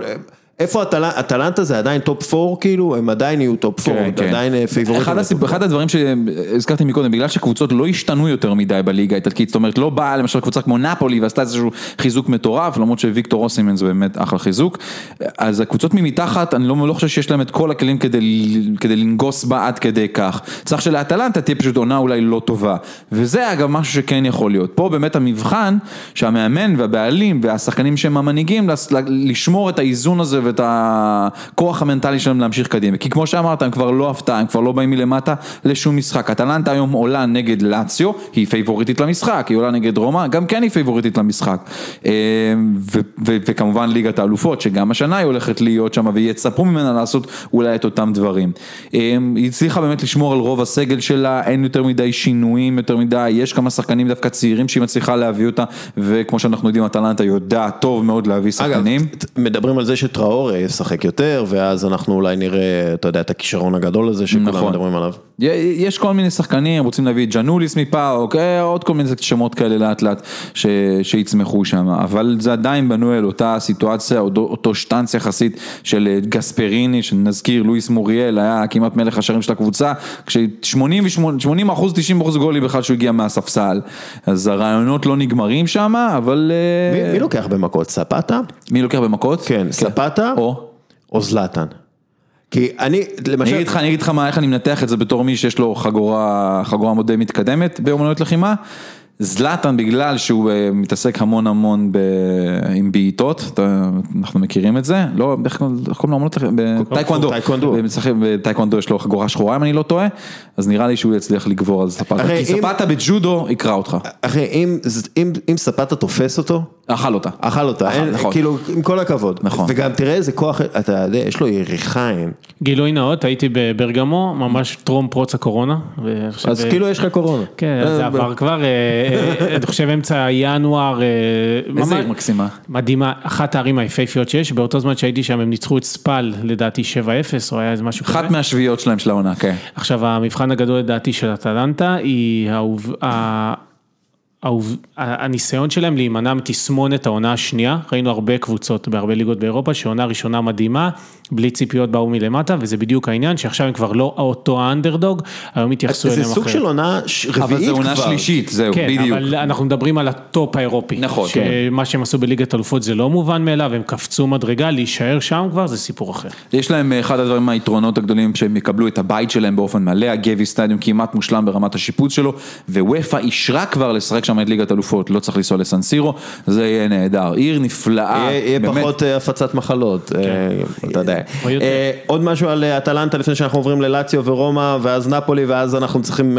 אני חושב שהשנה אנחנו נראה את מלינובסקי אפילו פורץ קצת יותר, את האוקראיני שנמצא להם שם, יהיו שחקנים שעוד מלמטה ייכנסו, מרנצ'וק שהם הצליחו להביא את השחקן הרוסי, עוד רכש טוב של ג'אן פיירו גספריני ושל כל הקבוצה הזאת, יש להם את הכלים, זה פשוט לא נגמר, ומעבר לכך שזו מחלקת הנוער הטובה ביותר באיטליה בי פאר. אה, אגב, אטלנטה, אה, אה, מכירים את הידיעות האלה על מילאן תבנה איצטדיון חדש ב-2000XX והנה העיצוב החדש של האיצטדיון של רומא שיהיה מוכן ב-2000 זה, אז, אז תמיד אלה הם, הם בדיחה בגלל, בכלל כל האוהדים באיטליה תמיד צוחקים על הדברים האלה, מת, מתייחסים להדמיות האלה ולאיצטדיונים החדשים של נפולי, רומא, בולוניה או מילאן בבדיחות הדעת, התוכניות הגדולות תמיד נשארות במגירה וראינו אה, אה, הרבה כאלו. אבל הם אף פעם לא יצאו לפועל בגלל בירוקרטיה. עכשיו זה לא ייחודי לאיצטדיוני כדורגל באיטליה, כל איטליה, אם אתה נוסע לאיטליה, אתה פשוט רואה מלא בניינים שבנו, והם... הם, הם כאילו נראים חצי גמורים, הם, הם לא, לא השלימו פה, ההוא ככה, ההוא זה, תמיד יש את הבירוקרטיה, המון שחיתות, הכל נראה באמצע שיפוצים, אבל השבוע מעבירים, העבירו, סליחה, חוק שנועד לפרק את כל החסמים הבירוקרטיים לאצטדיונים, וזה חלק מתוכנית הלם אה, שנועדה לחסל אה, בירוקרטיות מיותרות באיטליה ולאפשר אה, בנייה מהירה יותר ופיתוח אורבני. אה, החוק החדש הזה בעצם פותח את האפשרות להרבה מועדונים לשפץ את האצטדיונים שלהם. פיורנטינה ככל הנראה תהיה הראשונה אה, לעשות את זה, אבל אנחנו מדברים כבר על אטלנטה עם אצטדיון משלה שהיא מרחיבה. אה, בוא נ... אפשר לתת את הרשימה. אודינזה. קליארי במהלך אצטדיון של בנייה חדש כבר. יובנטוס מן הסתם, עכשיו אצטדיון חדש כמעט תמיד, עודד, תעזור לי פה, אצטדיון חדש כמעט תמיד מגדיל הכנסות, משפר קודם כל את הנראות ומסייע בגיוס שחקנים ונותני חסות. כלומר, אצטדיון חדש זה נכס ש...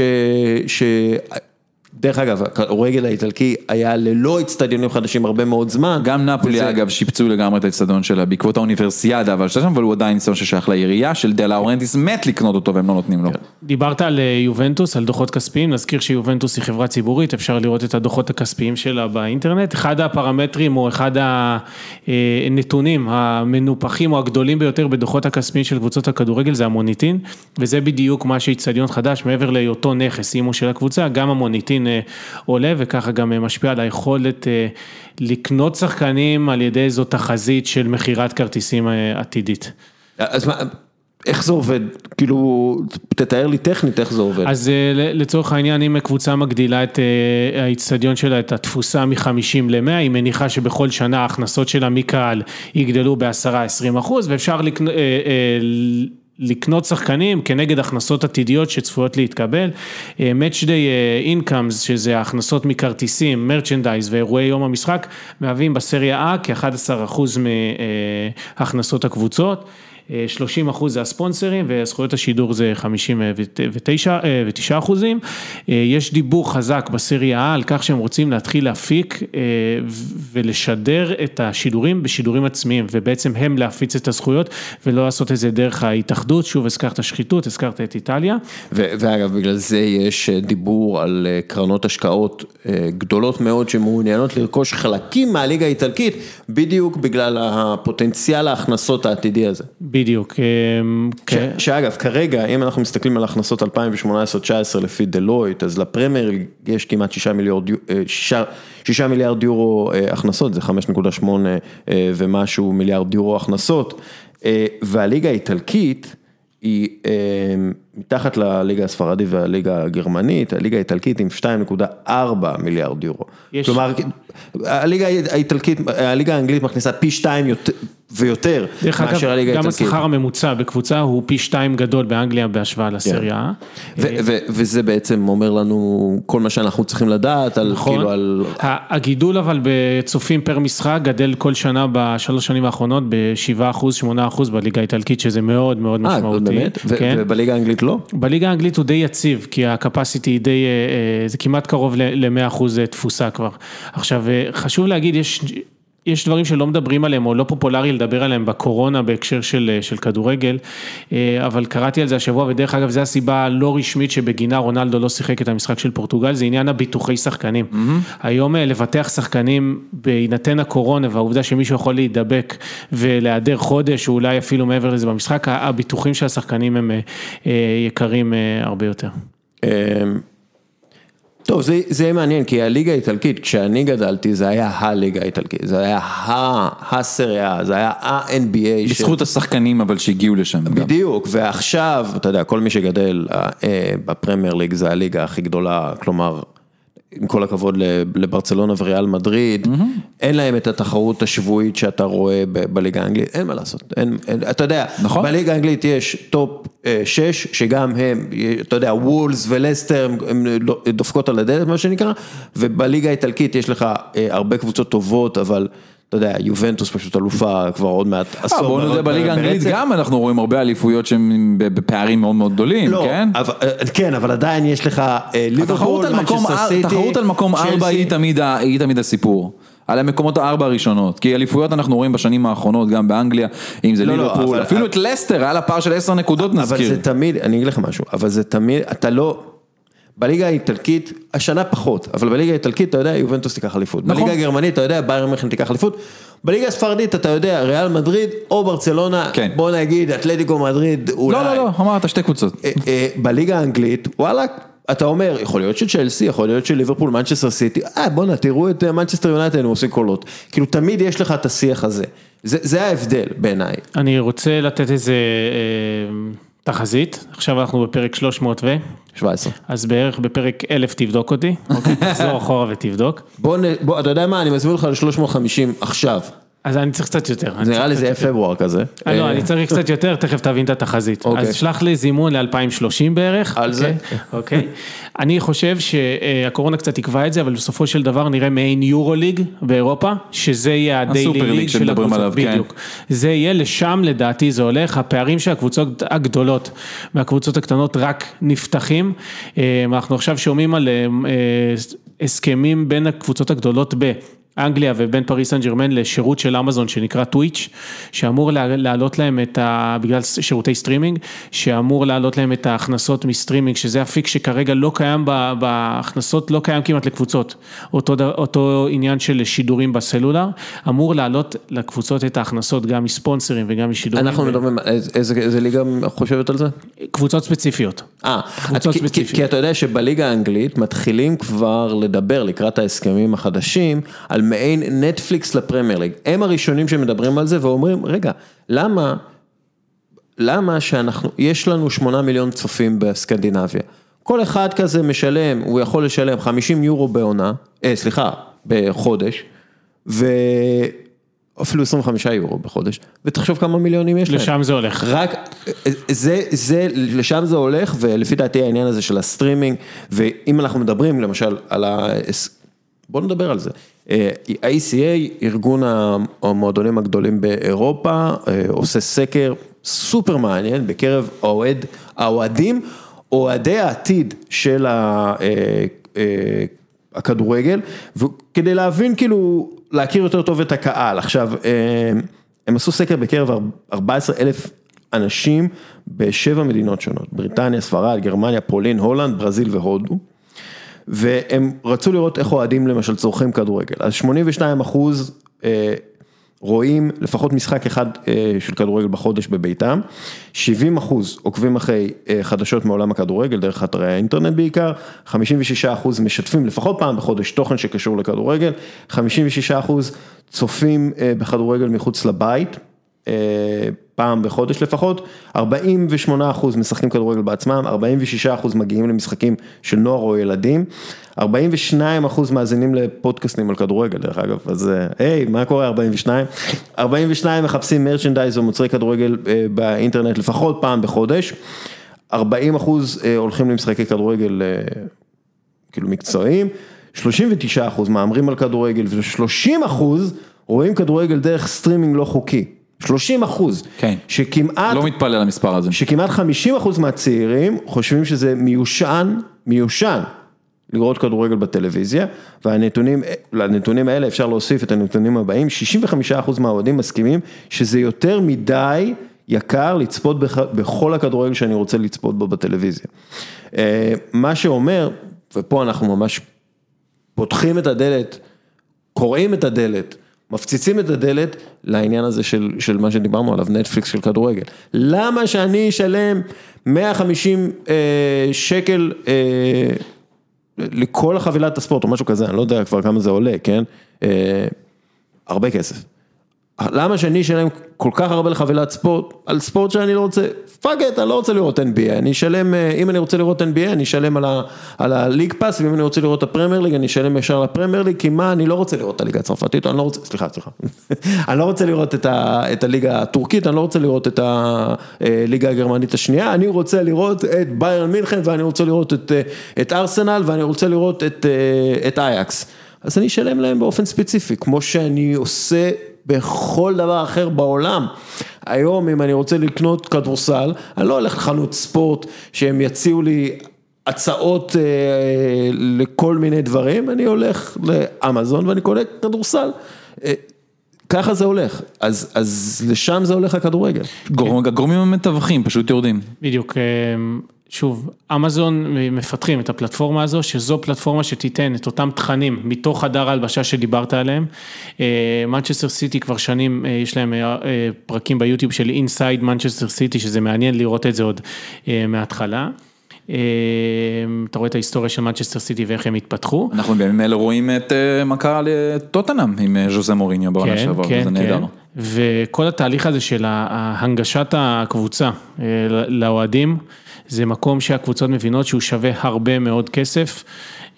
וכל העניין של הערוצים והסטרימינג הולך להיות משמעותי יותר, אחת על כמה וכמה הקורונה שנתנה בוסטים טכנולוגיים להרבה תעשיות, גם לעולם הספורט והכדורגל. יכול להגיד לך שבתור האוהד הכי ממוצע שאני, של הקבוצה שלי, אתה לא ממוצע, אתה איש, אתה לא ממוצע, יש לך אני, תואר אני בתקשורת. פחות מהממוצע בתור אוהד, אני צורך את מילאן בצורה מטורפת, כל דבר שיש דרך הטוויטר, אינסטגרם, הפוסטים שלהם כמובן עולים לי כמובן ראשונים כמעט בכל אה, רשת חברתית שאני נכנס, אני מקפיד לקנות מוצרים רשמיים שלהם עד כמה שאני יכול, מה, סטור לפעמים שהם מגיעים. לגמרי מתחבר לרעיון הזה, אם אני עוד אוכל לקבל קצת יותר אפילו מתוך חדר ההלבשה, זה כן, זה- הולכים זה לעשות נחמד. שירותי פרימיום כאלה, ממש לאוהדים כמו אסף, שיסכימו לשלם את העוד כמה שקלים, יורואים, דולרים, בשביל לראות מה קורה באימון, בשביל לראות את חדר ההלבשה, בשביל לראות את הטאנל קאמרה הזאת של המנהרה לפני המשחק. אנחנו... הכל, רק תיזכר בכל איזה חצי פעם שקיבלנו את מסי במנהרה. אה, וכמה חגגנו על זה ברמות כמות המילים, או אתה זוכר בא- בא- באותה מחצית נגד ביירן מינכן, שראינו את מסי יושב שפוף כולו שם בתוך חדר ההלבשה, זה, זה הדברים האמיתיים, פה אנחנו מקבלים באמת את ה... נקרא לזה במרכאות ההצצה האמיתית לתוך החיים שלהם, כי שם במקומות האלה הם לא יכולים פשוט לזייף, זה לא חדר מסיבת עיתונאים אחרי שהדופק קצת נרגע, שהכל, אי אפשר לזייף במקומות האלה, וזה מה שאתה רוצה לראות מה, מהאנשים שאתה כל כך מעריץ. בסדרה על טוטנאם, קודם כל היא סדרה הרבה יותר טובה מאשר מנצ'סטר סיטי, בגלל כן. שהדברים שם הרבה יותר אותנטיים. אה, אתה פשוט רואה כאילו ממש מתוך חדר ההלבשה, אתה רואה את השחקנים עצבנים אחד על השני, אתה רואה את דלה עלי שם זורק אה, נעליים, אתה מבין שאתה בחדר הלבשה אמיתי ולא משהו שכזה מאוד אה, נגיד חלק מהונדס. ומ- ומהונדס במנצ'סטר סיטי, ה-all or nothing של אמזון על טוטנאם. אגב, אני לא מצליח להבין איך הולכים אחרי ז'וזה מוריניו, אבל זה כן. כבר, אני לא מצליח להבין. זה כי- פשוט אם אתה מתחבר או לא לדמות. סבבה, אבל אם חצי מהקבוצה לא מתחברת לדמות ואתה רואה את דלה עלי נותן לו שם מבטים של אחי, כאילו תרגיע. אתה- בגלל, בגלל זה דלה עלי בדרך החוצה, וביילי. אגב, אגב, אתה לא רואה שום דבר מפוצ'טינו, כאילו פוצ'טינו לא אימן שם אף פעם, זה זה קצת מעצבן אותי. ראיון מהבוקר של פוצ'טינו בדיילי מייל, הפסקתי לראות אחרי שלושה פרקים ברגע שכבר הבנתי שאני לא נמצא שם.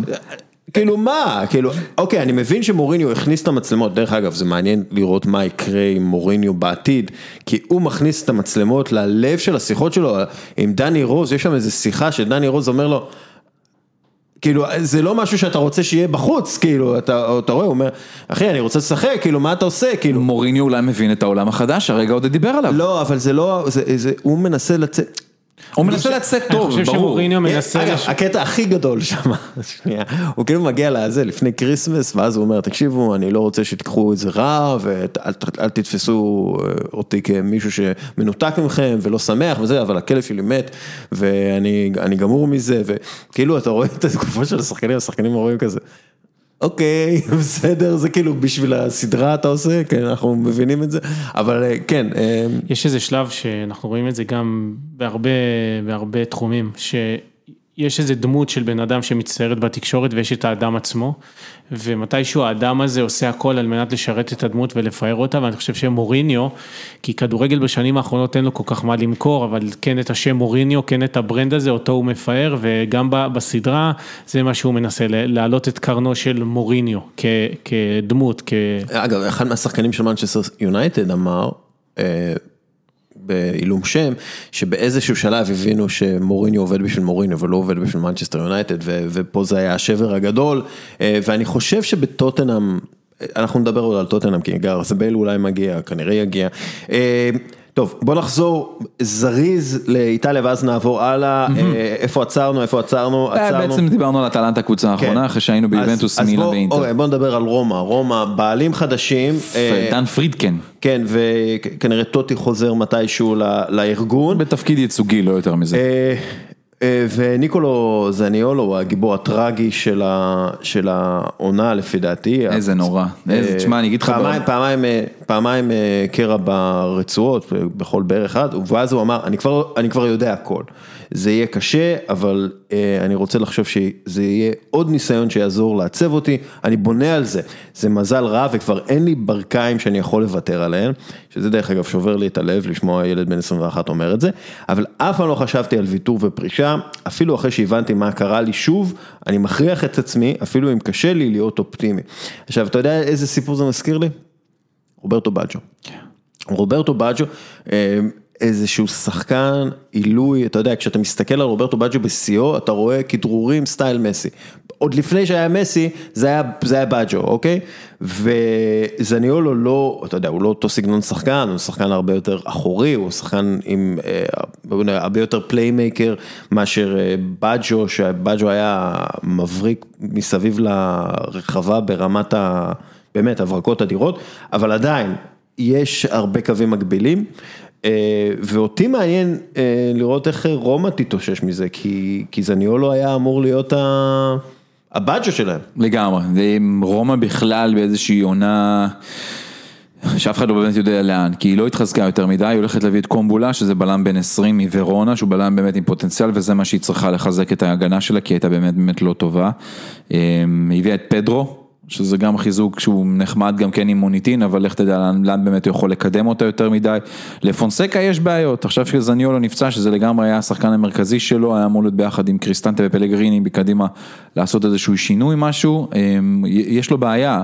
מה שכן, הוא הולך לקבל איזשהו שינוי בחוד, במספר 9 שלו, אדזקו יעבור ליובנטוס, וארקדיוש מיליק ממש על סף חתימה שם להגיע, וזה דווקא יכול להיות נחמד. מנור סולומון, אתה חושב שזה יכול לקרות? אני מאוד מאוד מאחל שזה יקרה, בתור שאוהד את הליגה הזאת, יהיה נחמד לראות את מנור סולומון שם. אולי בעקבות ההגעה של סוף פוטגרנו למחלקת הנוער שלהם, אז יכול להיות שזה אותו סוכן, אני לא יודע מי ידע, אני סתם מנחש האם זה אותו סוכן, שקשור גם לדבר הזה. שחר מבקשת הרבה יותר מדי כסף. נכון, 12 מיליון יורו, אני לא בטוח שהיא מוכנה. יותר, אטלנטה הייתה מוכנה 12 מיליון יורו. למכבי פתח תקווה יש איזה נתח משמעותי עוד מהסכום שהולך. בוא נגיד שמנור, אני מתקשה לראות אותו עוזב את שכטר השנה. הכסף שהם מבקשים עבורו הרבה יותר מדי גדול. אבל באמת הלוואי. זה יותר לכיוון ה-25 מיליון יורו פחות הזה, ואני לא רואה מישהו בקורונה. אני אתמול קראתי באיזה מקום שזה מתקרב למה שהם רוצים זה 20, ורומא מציעה 12, זה נראה לי זה פער שאפשר לגשר. הלוואי, באמת שהלוואי, הלוואי. כאילו הוא ייכנס שם למקום שהוא באמת יוכל לשחק. פונסקה, מעבר לכך שהוא מכיר טוב את שחטיור ואת מה שהם יודעים לתת ולבנות שחקנים, הוא בן אדם שנותן את ההזדמנות, הוא נותן, אבל... הם תחת מבחן העונה, זאת אומרת הם משחקים בשלב הבתים כבר בליגה האירופית, אני באמת לא יודע לאן הם הולכים, כי לא עשו שינויים גדולים, אבל יכול להיות שדווקא עצם זה שלא עושים שינויים ונותנים לסגל לרוץ, אז זה יכול להיות טוב, צ'נגיז אונדר הולך לעזוב אותם, הבנתי ללסטר. אבל מנור במקום זניולו זה נשמע לי סבבה כאילו. תשמע לא, זניולו זה באמת קרע אותי, קרע לי את הלב לגמרי, כי... כי זה הילד הבא, הקוסם הבא של הנבחרת האיטלקית, אני לא אוהד נבחרת איטליה, לא נבחרת ברזיל, אבל זה האיש שאתה מסתכל עליו ואתה מחכה לראות את איטליה איתו ביחד. גם יש לו את כל, הוא נראה כמו סופרסטאר, כל הקטע עם אימא שלו זה קטע מצחיק כזה, ממא מיה, כן ממא. יש שם זה, והקרע בברך.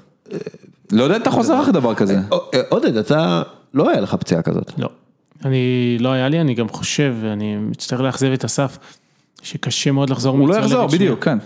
ראינו את מאור בוזגלו שעשה פה שיקום של מקצוען וזה, והוא מתקשה מאוד.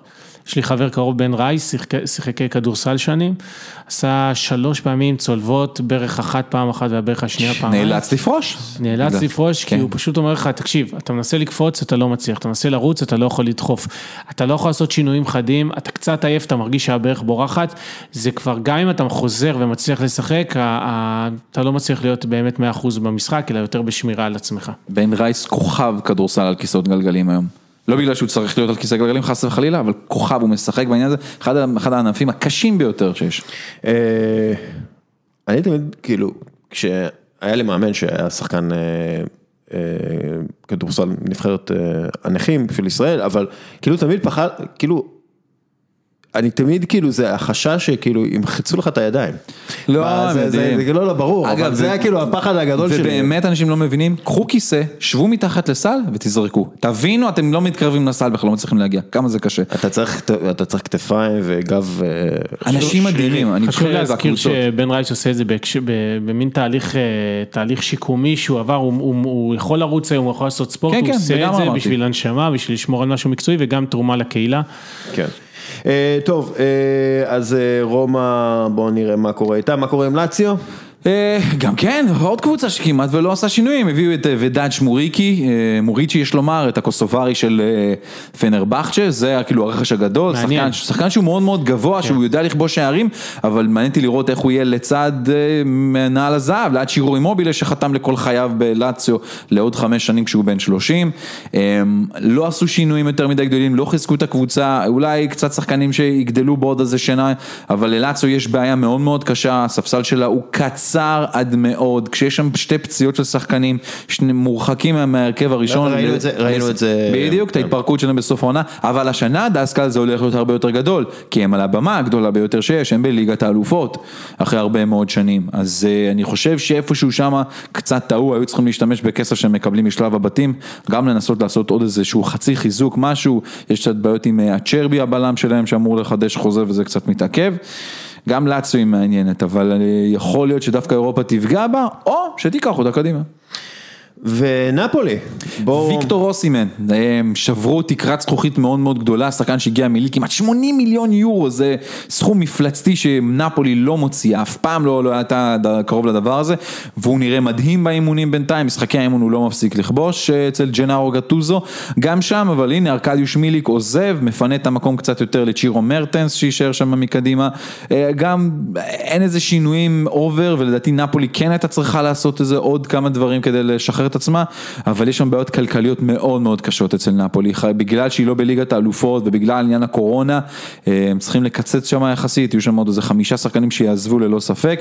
מה עם, אה, קוליבאלי? זה אחד הדברים, כי בגלל שיש הרבה בעיות, נקרא לזה בין סיטי לבין נפולי, ברמת ההנהלות, הן לא מדברות, אה, לא תקשורת טובה שנמצאת שם, אז מצב טוב שפשוט סיטי מרימה ידיים לגבי קוליבאלי והדרישות של דלאורנטיס, אבל- והולכת לחימנס. אבל אה, כן, חימנז אה, אמר שהוא לא עוזב, אה, אבל אה, אתה יודע, כאילו, נפולי חייבת להיפ- חייבת אה, כן. את הכסף. אה, אז אם קוליבאלי לא יעבור לסיטי, לאן הוא יעבור? הוא כבר לא יעבור יכול להיות. ובוא נגיד ככה, העונה שעברה קלידו קוליבאלי לא הייתה עונה טובה שלו, ממש, עונה לא, לא כדורגל טוב שלו, לא מאותו אותו דבר שראינו בשנים האחרונות, והמחיר יורד ככל שאתה משחק לא טוב, וגם הפעם קוליבאלי צריך להיות בליגה האירופית, הם לא בליגת האלופות, וזה שוני, ואנחנו יודעים את ההתייחסות לפעמים של אה, הקבוצות האיטלקיות לליגה, לליגה האירופית, לפעמים כמו קצת אה, לגביע הליגה, שזה חבל. אה, כן, עכשיו גם הולך להיות אה, ליגה אירופאית שלישית. קונפרנס, כן, עוד שנתיים זה יגיע הדבר הזה. זה בכלל יגדיל לדעתי פערים ברמה הכלכלית אם דיברנו, אני חושב. אה, כן, וופא זה... או, הגעתי לשעה ו-12 דקות ואני אומר וופא טיפשים. אה, כן. רק עכשיו אמרת רק את זה? עכשיו, לא, אז בוא תספר להם איך החבר'ה מהודו עושים את זה נכון. החבר'ה מהודו? כן, לשכת ה... נכון. אה, פעילות בינלאומית היא אתגר עצום עבור כל חברה, במיוחד עם מערך שירות. היום הפתרון המקובל זה להגיע להודו, כי שם יש היצע של כוח אדם זול, מיומן ומוכשר. העניין הוא שהודו לא מקום פשוט לעסקים, ולכן כל חברה וארגון צריכים לה... מישהו שמכיר את השטח בצורה הטובה ביותר כדי להימנע מטעויות יקרות. לשכת המסחר הודו ישראל פותרת את הבעיות על ידי גיוס והעסקת עובדים הודים עבור חברות ישראליות. הלשכה היא מעין... עודד גביש כזה בקבוצה, מישהו שדואג לך להכל, משכורות, תלושי שכר, משרד, עליו, צאו להתקפה. אז אם החברה שלכם מחפשת לעשות את קפיצת המדרגה הבאה ולהצטרף ל-20 ומשהו חברות ישראליות שכבר מעסיקות למעלה מ-100 עובדים בהצלחה, תפנו ללשכה www.fiicc.in/כל יום פוד, פרטים נוספים בפייסבוק שלנו, אה, עוד משהו על הליגה האיטלקית לפני שאנחנו עוברים הלאה? שתהיה לנו עונה מוצלחת, כיפית, אני מזכיר שוב לכל אותם אנשים שחושבים שהליגה האיטלקית תהיה ליגה הגנתית, שבעונה שעברה הליגה האיטלקית ממוצע שערים למשחק היה 3 נקודה, תן לי להגיד לך בדיוק, 3.02, משהו כזה. זה המון גולים למשחק, למי שלא יודע, מעל 2.7, זה גם נחשב הרבה מאוד לליגה, רק הליגה הגרמנית הייתה יותר ודי בפער. יש לי, יש לי המלצה קטנה, שפוסט הקורונה, אנשים, אתם מטיילים באיטליה, תחפשו איזה משחק של ליגה מקומית, מצאתי את עצמי רואה שם איזה ליגה חמישית, אה, סורנטו. נגד מישהו. וואי, היית בסורנטו? כן, חוויה. מטורפת, זה, זה מדהים, יותר כיף מלראות ליגות נמוכות באנגליה ובגרמניה. וגרוש עם כסף, חמישה יורו כן, גג כן, להיכנס. כן, זה חוויה וקללות באיטלקית ושירים וזה, ומומלץ מומלץ. אני הייתי במשחק של פיורנטינה לפני כמה שנים, בחודש פברואר, קר מאוד. עוד ג'וזפה רוסי היה שם וכבש נגד בולון, ניצחו 3-0, זה היה דקה 72 כבר, כבר 3-0, איזה מאמה איטלקיה, איזה נונה איטלקיה צועקת לשופט, או, שרוק לסיום פה, פברואר, קור כלבים, יאללה, קר לנו, 3-0 נגמר כל היציע, אני אשפח על הרצפה ונקרע כבר. הייתי ב- במשחק באולימפיקו, אה, רומא נגד מישהו, אני לא זוכר כבר נגד מי, והיה מאחורי ילד שקילל, תקשיב, קאצו, וכאילו ילד בן עשר ומקלל קללות כמו איזה תגרן בשוק, זה היה אחד מהדברים המצחיקים. אה, וגם כן כל הקהל אה, כאילו זרם על זה, כאילו בצחוק. היום הילד הזה הוא אה, ויראלי לחלוטין, אם זה היה אותו דבר. הוא עכשיו קילל את בנת- בנתיה, זה היה, גדול. טוב, בוא נעבור פרמייר ליג, משחקים בסוף השבוע הזה.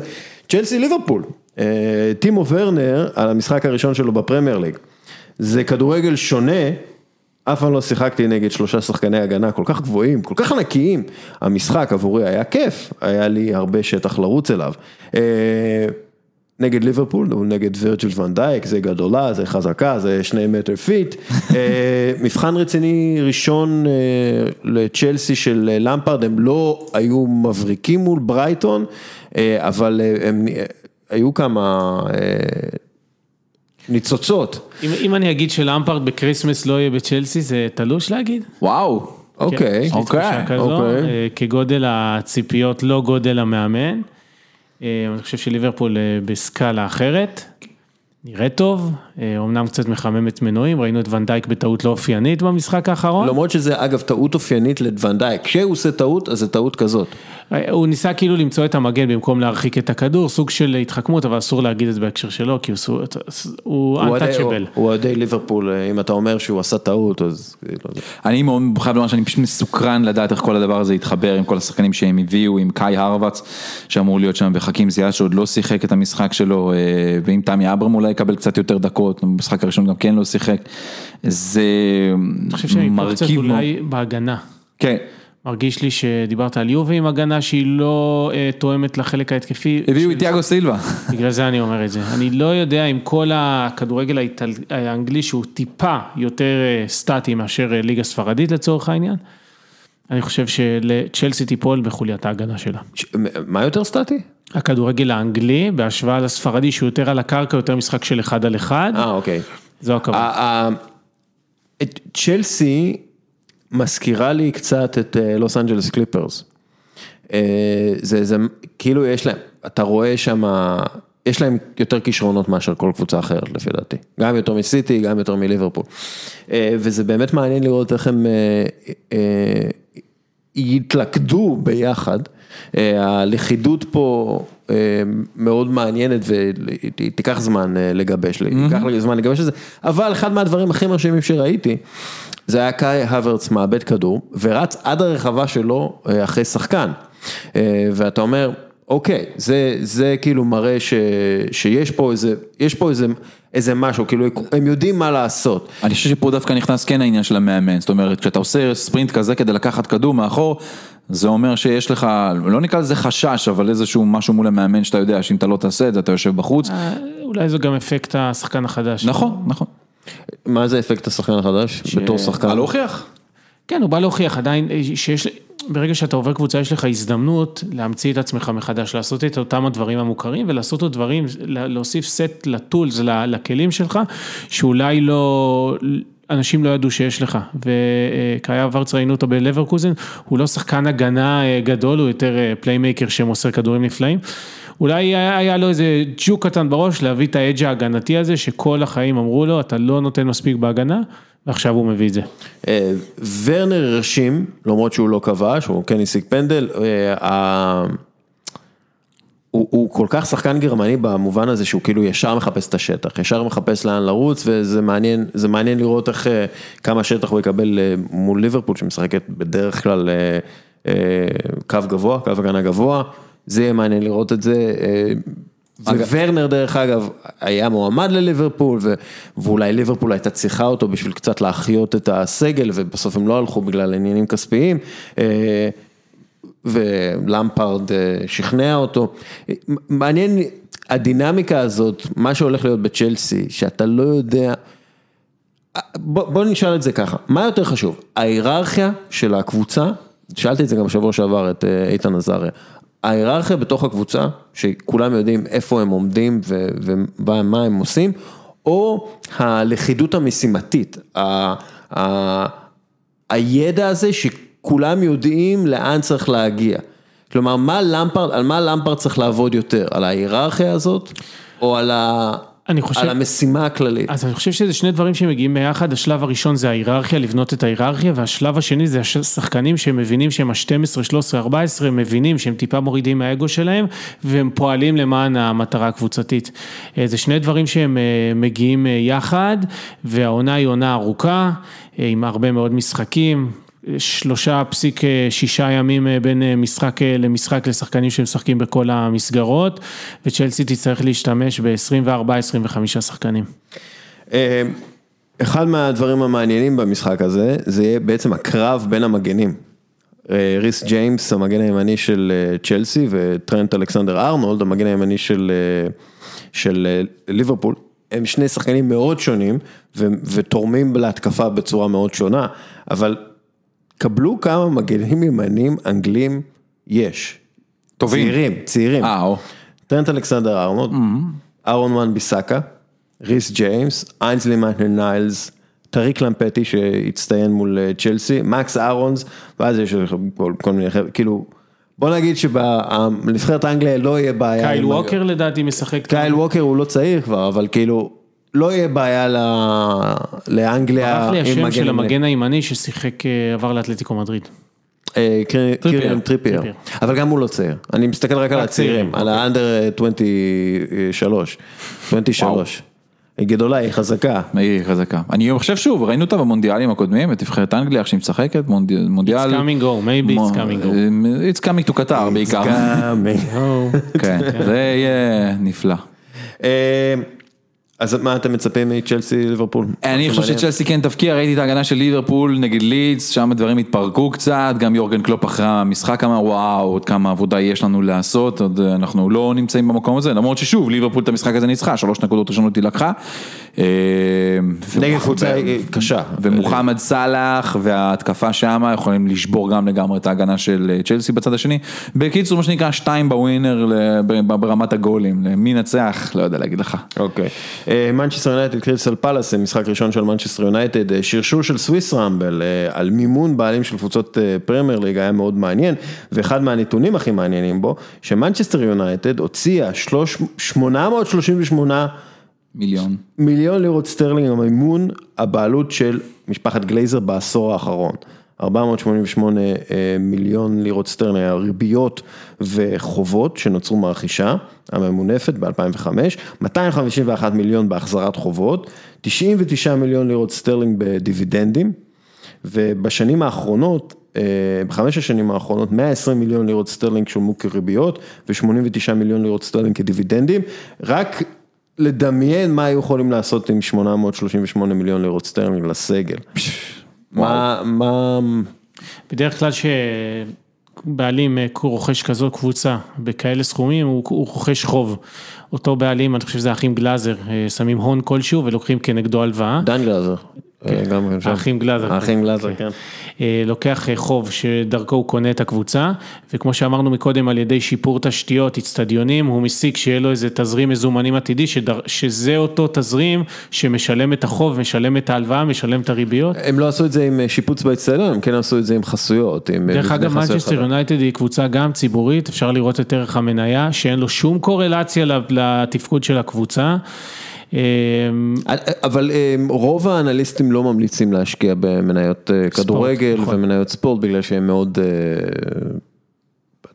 מאוד תלויות בהרבה דברים שאין אין לך שליטה עליהם ואין, אתה יודע, התזרים מזומנים שלך תלוי מאוד בהצלחה הקבוצתית. ו... עולם הדיווח החשבונאי בכדורגל הוא די חדש, ראינו גם את סיטי נענשת בדיוק על זה, על דיווח חשבונאי שהוא לא על פי התקן, על- העיפו אותם אה, מאירופה, שלדעתי זה הושעה הצ- ה- העונש הזה. בוטל, כאילו, בוטל. כן. אה, בכל מקרה, אה, זה עולם מעניין, מי שמעניין אותו קצת כלכלה, ספורט, כן להיכנס לדוחות הכספיים, כן לצלול, יש אנשים שמתמחים בזה ועושים עם זה לא מעט. השאלה, האם הם באמת היו יכולים להשתמש ב-838 מיליון לירות סטרלינג האלה על ההרכב, אתה יודע, והיו מביאים היום במקום אה, שיהיה להם את... אפשר לשלם את סעיף היציאה של מסי. אני דווקא הייתי הולך למקום אחר ומשקיע בתשתיות, באקדמיות, ה- הדור הצעיר, כי בסופו של דבר אם היום אתה משקיע 100, 200, 300 מיליון פאונד ב- באקדמיה, בדור הצעיר, אתה חוסך את אותם אה, 500 או 600, אנחנו רואים את הסכומים שמשלמים היום על שחקנים, שהיית משלם אה, בעתיד. בוא נגיד שלא היה להם בעיה להביא את קוליבאלי, אם הם היו עם הכסף הזה, ולא היה להם בעיה להביא את אה, סנצ'ו, אם היה להם את הכסף הזה, אה, ועכשיו הם פשוט במשא ומתן, שבה, שבטוויטר ובמדיה החברתית תמיד צוחקים עליהם, כי מנצ'סטר, תמיד יש את הבדיחה הזאת ש... אה, אה, מגיע ל- לאוטובוס ואומר לו חמש פאונד, אז הוא אומר, יש לי שלוש וחצי פאונד, קח, הוא אומר, לא, אבל צריך חמש פאונד, יש לי שלוש וחצי פאונד, אתה תעשה את זה, אני מוסיף לך 20 אחוז מהנסיעה הבאה שלי, מה, על מה אתה מדבר, תן לי, אה, אז זה כאילו הדיבור, אז מה אתם אומרים, מה אני מה יהיה אומר, העונה אני של... אומר ש... שיונייטד מרתקת אה, ברמת ברונו פרננדש ודוני ונדביק, הרכש החדש הגיע מאייקס. זה הדבר הכי מגניב יהיה לראות אה, מבחינת אולי גונר סולשייר, אבל אני לא יודע, אני כל פעם, אתה יודע, היה לי ויכוחים על זה הרבה, עם הרבה מאוד אנשים, אני לא מצליח לפענח את ההתקפה שלה ברמת חלוצים, זאת אומרת, האם אה, מרסיאל ורשפורד, זה, ואני יודע, איגאלו, זה- זה מספיק בשביל קבוצה שרוצה? גרינווד, אה, דיברנו על צעירים, נכון, גרינווד, אה, אבל זה מספיק, כן, השחקנים האלה, בשביל לקחת קבוצה כמו מנצ'סטר יונייטד, למקומות כאלה, אולי להילחם על רביעייה ראשונה, לא לדעתי או מרכז אליפות. שדה של ברונו פרננדש, פוגבה וונדנביק. נכון, אני לא רואה איך ואן דה ביק וברונו פרננדז מסתדרים ביחד על אותו מגרש. יכול להיות שהם יסתדרו ויכול להיות שאני אצא דביל מוחלט, אבל שניהם שחקנים שכל כך צריכים להיות בתוך המשחק ואתה צריך כאילו מאחוריהם שני גרזנים בשביל שהם יהיו חופשיים לעשות את מה שהם שני רוצים. גרזנים ועוד כדור, נראה לי. ב- בדיוק, זה, זה בעיה בעיניי, אה, למרות שוואן דה ביק באמת יכול לשחק בכל מקום והוא שחקן סופר חכם שיודע איך לייצר שטח עבורו ועבור שחקניו לקבוצה, חבריו לקבוצה, אבל הוא מזכיר לי במובן הזה את תומאס מולר, שתומאס מולר צריך להיות השחקן הזה, הוא לא יכול לשחק עם עוד שחקן כזה, וברונו פרננדז הוא סוג של שחקן כזה, אני לא יודע, אני עדיין... תחושתי שנראית פוגבה בעמדה הרבה יותר התקפית ממה שראינו רגילים. זה נהדר בשביל פוגבה. לא, אבל איפה, אוקיי, בואכה חלוץ. סבבה, אבל אוקיי, פוגבה התקפי, פרננדז התקפי, ואן דה ביק התקפי, אה, איפה אתה שם, אה, אתה יודע, אתה, אתה צריך איזון, מאטיץ', אוקיי, זה לא, זה לא כיף, זה, נכון, אבל זה מה יש. או מטה? לא. לא, מטה הוא בדיוק, כן. הוא, הוא, יש שם איזה בעיית איזון. הוא יצטרך לפתור את הדברים הזה, בגלל זה אמרתי זאת חידה, עוד, עוד חידה נפלאה לראות אותה, את אה, יונייטד. אוקיי. במשחקי האימון הראשונים הדברים לא הלכו כך, אה, לא כל כך משהו הלכו. כן, כאילו ברונו פרננדס הביא בשנה שעברה איזה איזון לקבוצה, הם כאילו, הוא הגיע והוא פשוט הביא איזשהו איזון, פתאום היה מישהו שדוחף מהאמצע, זה היה הרבה יותר נכון, ופתאום ואן דה ביק, כאילו שוב, באמת שחקן פנטסטי, אני לא יודע כמה הוא יכול להתאים, ואני לא יודע כמה אה, גונר סולשיאר אה, יעבוד בשביל שהוא יתאים. אבל אה, זה בין השאלות האלה שתמיד שואלים אותנו. אוקיי, וולפס מנצ'סטר סיטי, יש לנו משהו להגיד על מנצ'סטר סיטי, back with a vengeance, את הכוונה שלך ל-back with the vengeance? חוזרים בנקמה כדי לקרוע את הליגה ולזכות בכל תואר אפשרי לפני שמסי מגיע. אה, אני הייתי בטוח שזאת הייתה העונה האחרונה של אה, פפ, הייתי בטוח שהוא יעזוב, אני חייב לומר. אה, אבל הוא ממשיך למשוך, הוא ממשיך, כמובן קבוצה נהדרת והכל, ולא יודע, אני לא לא יודע לאכול אותם. זה באמת היה לא נעים מבחינתם לקבל בראש ככה מליברפול בפער כזה ענקי. אה, ראינו אבל גם את מנצ'סטר סיטי עושה כמה דברים יפים מאוד בחלון העברות, אני חושב שההגעה של פרן תורס מוולנסיה הוא שחקן שיופי של, של החתמה מבחינתם, יופי של שחקן שמגיע ויכול לשנות ולעשות כמה דברים מאוד מאוד יפים. אה, ונרצה לראות התפתחות של עוד כמה חבר'ה שם, אתה יודע, זה, זה, זה בגדול.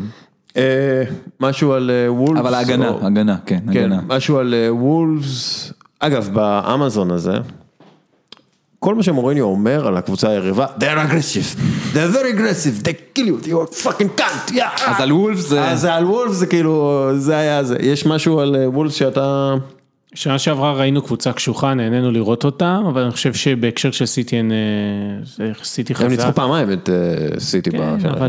אבל עדיין, אני דווקא, כמו שאסף אמר, מעניין אותי מאוד לראות, האם גוורדיולה יבין שמרגיש שהקבוצה שלו תמיד מגיעה לאותם משחקים, אולי משנה מערך, אבל תמיד מנסה להזיז כדור, תמיד מנסה להיות דומיננטי. לא, הוא, לא- הוא, הוא נשאר בטיקי טק בדיוק, המדהים בדיוק. שלו והנפלא, אבל הכדורגל קצת הלך קדימה. מעניין, בדיוק, מרגיש שהוא צריך גם הוא איזה רמונטדה קטנה, עם כמה שקשה להגיד את זה על גוורדיולה, אבל אולי השנה זה יבוא, אולי. במיוחד ב- במשחקים המאוד מאוד גדולים איך, והקריטיים של איך העונה. אה, אסף אמדורסקי היה אומר, אתה צריך אהבה חדשה. אה, אתה אומר שהוא היה צריך לעזוב גם? אני מרגיש שיש שם איזשהו מיצוי הדדי כזה, והוא קצת באמת על ידי אה, דלק, אה, וזה שארטטה עזב, עשה לו קצת, קצת הוריד אותו, אבל בואו בואו אה, נראה. אה, אפרופו ארטטה, אה, ארסנל, וסטהאם. ידעתי שזה יגיע מתישהו. אה, פייר אמריק אובמיאנג חתם על חוזה לשלוש שנים בשווי 55 מיליון לירות סטרלינג, הוא קבע 72 שערים בכל המסגרות מאז הבכורה שלו בפברואר 2018, שזה 28 אחוז מכל השערים של ארסנל באותה תקופה. יותר מכל שחקן פרמייר ליג אחר באותה תקופה גם כן, אה, אומר שהוא רוצה להיות אגדה של המועדון, שאלה, האם הוא יהיה אגדה? האם הוא ישתלם? אני אשאל אותך שאלה אחרת, בתור אוהד ארסנל, אחד המשפטים האלה, אה, בעצם בריאיון לאיין רייט, סליחה, אחרי שהוא חתם על הארכת החוזה לעוד שלוש שנים, אמר אה, אה, אובמיאן, כן, הייתה לי שיחה עם מיקל ארטטה, וארטטה אמר לי את הדבר הזה, אם אתה רוצה לזכות בתארים, אז כנראה, או וכאלה דברים, אז אתה יכול לעבור לקבוצה אחרת, אבל אם אתה רוצה להיות, להביא את הלגאסי שלך כאן בארסנל, אז תישאר איתנו. לא מפריע לך קצת משפט כזה מתום לי לא, לא, אני לא- אני לא- הכוונה היא לא באמת. לא לזכות תארים, אבל תראה, כאילו... קודם כל, אה, ארטטה בחצי שנה זכה ביותר תארים מאשר טוטנאם זכתה בכל, השנים האחרונות. נכון. אבל, אה, אתה יודע, כאילו, השאלה זה ליגת האלופות. הש, אה, השאלה הגדולה, האם ארסנל אחת מהטופ 4 ב- בפרמייר ליג, האם היא יכולה להגיע לזה? איך שהקבוצה נראית כרגע, התשובה היא כן. היא כן, אבל אתה יודע, העונה עוד ארוכה, ויש לך את גרניט ג'אקה כקשר מוביל, אה, ועם כל הכבוד לארטטה, באמת, ויש לי הרבה כבוד, בסופו של דבר תלוי בשחקנים שלו, והשחקנים שלו, אה, אתה יודע, אוקיי, אובמיאנג world class, מה עם השאר? וויליאן נראה יכולות של world class, מה עם השאר? אה, זאת, השאלה היחידה, והם לא הוכיחו את עצמם. אני מאוד מאוד אוהב את את הסגל של של ארסנל, באמת. ארסנל, תמיד יש את ההרגשה שיש להם את זה. אתה אוהב את הסגל של ארסנל? כן, אני מאוד אוהב את, את, את וויליאן שם, פתאום איזשהו, זה רוח חדשה, זה שחקן שמגיע ממקום שקצת דרכו עליו בשנים האחרונות, שקצת הלך אחורה ברמת ה... ה- נקרא לזה ברמה המנטלית שלו, ויכול באמת להרוויח את המקום שלו מחדש אולי קצת בליגה, בנבחרת הברזילאית, גבריאל. יופי של רכש, כן, האמת, אה, רכש באמת באמת שחקן מצוין מבחינת שחקן אגב, הוא יותר שהגיע גבוה לכם. ממך, עודד. מה גובהו? ו- הוא מטר תשעים ושתיים. וואו. אגיד לך בדיוק כמה הגובה שלו, הוא מטר תשעים לפי ה- תמיד לפי מרגיש סוקרווי. אה, לפני סוקרווי אומר מטר תשעים. מעט מדי ארסנל, מעט מדי, הם נותנים איזה לג טוב, אבל זה מספיק טוב בשביל השחקנים שומרים על המקום שלהם ומרוויחים את זה שלא יביאו מישהו בחלון העברות, אבל איך שמגיע אה, ינואר, אה, או קצת אפילו לפני נובמבר, דצמבר, אנחנו רואים אותם קצת דועכים, אני לא רואה אותם בטופ שלוש, בטופ ארבע. אז זה- אז אז זה פה, אתה יודע, זה באמת עניין של האם ארטטה יכול עם, ה, עם הכדורגל שלו ומה שהוא רוצה והמבנה של הקבוצה וה, והבנייה של הקבוצה, אם הוא יכול להביא אותם מעבר ל, לציפיות של האוהדים מהם, כאילו בסופו של דבר, כי אתה, האוהדים לא מצפים לליגת האלופות, האוהדים כאילו אומרים, תראה, הד- הדור הצעיר של האוהדים, שנגיד עוקבים בשש, שבע שנים האחרונות אחרי הארסנל, לא זוכר את הארסנל הגדולה כן. שאנחנו זוכרים, עם אה, גמר של ליגת אלופות וכאלה, וטיירי הנרי וזה. אמ, אני חושב שהארסנל זה קבוצה שהיא בבנייה כבר הרבה זמן, וארטטה באמת הוא זה שיכול אה, לשנות את הכף. אמ, הנרי, שנבחר לאחרונה על ידי האתלטיק אה, כגדול שחקני הפרמייר ליג בכל הזמנים, דיבר על תפקיד החלוץ, על איך נעים, איך חושבים, איך מייצרים אה, שטחים וחללים לחברים, לקבוצה, זה היה ממש מרתק, אני ממליץ מאוד אה, לקרוא את זה, אבל יש אחד מהדברים שהוא אומר. אמ, ואני רוצה לשמוע מה שאתה חושב על זה, כי, כי אני חושב ש, שהנרי, הוא, הוא היה גאון כדורגל אה, לא מוערך מספיק, בגלל שהיו לידו גאוני כדורגל אחרים כמו ברקאמפ. עכשיו למשל ברקאמפ זה, אתה יודע, מבחינתי זה אלוהים. הנרי היה ספק אה, רגעים מאושרים עבורי, רגעים, של אושר, אבל אתה רואה איך הוא מדבר, ואז אתה מבין מה זה הכדורגל מבחינתו. הוא אומר, יש לך את הכדור דקה, אולי 15 שניות. אולי 15 סליחה, נגיעות. אם אתה חלוץ ענק, אז יש לך 30 נגיעות בכדור. אם אתה שחקן ממש ממש ענק, שחקן התקפי ממש ממש ענק, אתה נוגע בכדור 60 פעמים. אבל רוב המשחק, אתה צריך לחשוב על המשחק, וזה משהו שלוקח זמן לפתח, המוח. אנשים במשחק תמיד ינסו לשפר את המהירות שלך, את הכוח שלך, אבל צריך להפוך אותך לחכם יותר. איך אתה גורם לשחקן להבין שטחים וחללים, איך לגרום לו להבין עיתוי, מתי ואיך, זה ההבדל בין שחקן ענק לשחקן ממוצע.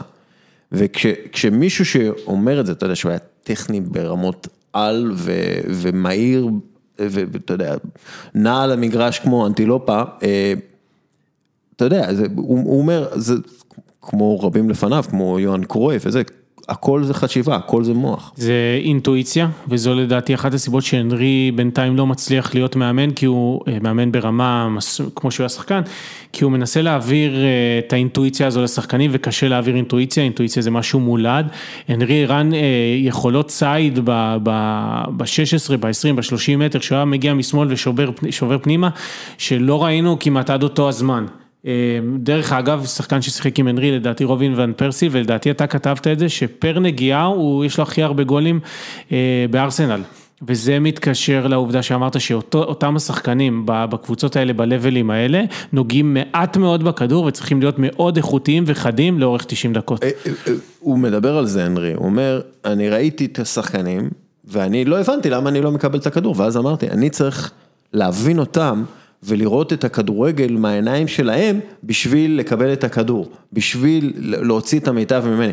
ויש איזה משהו מאוד, כאילו זה ממש יפה, אתה יודע, אתה צריך כאילו באיזה, באיזושהי רמה אמפתית להבין איך הם רואים את המשחק, בשביל שאתה תקבל את הכדור ואתה תפקיע ואתה תהיה גדול, אתה צריך כאילו להיות אה, אמפתי ולהבין כאילו את, ה, את הכדורגל מנקודת המבט שלהם, זה משהו שבעיניי מאוד יפה. זה, זה, זה, והפשטות של הדבר הזה זה פשוט מילה אחת, זו קבוצה.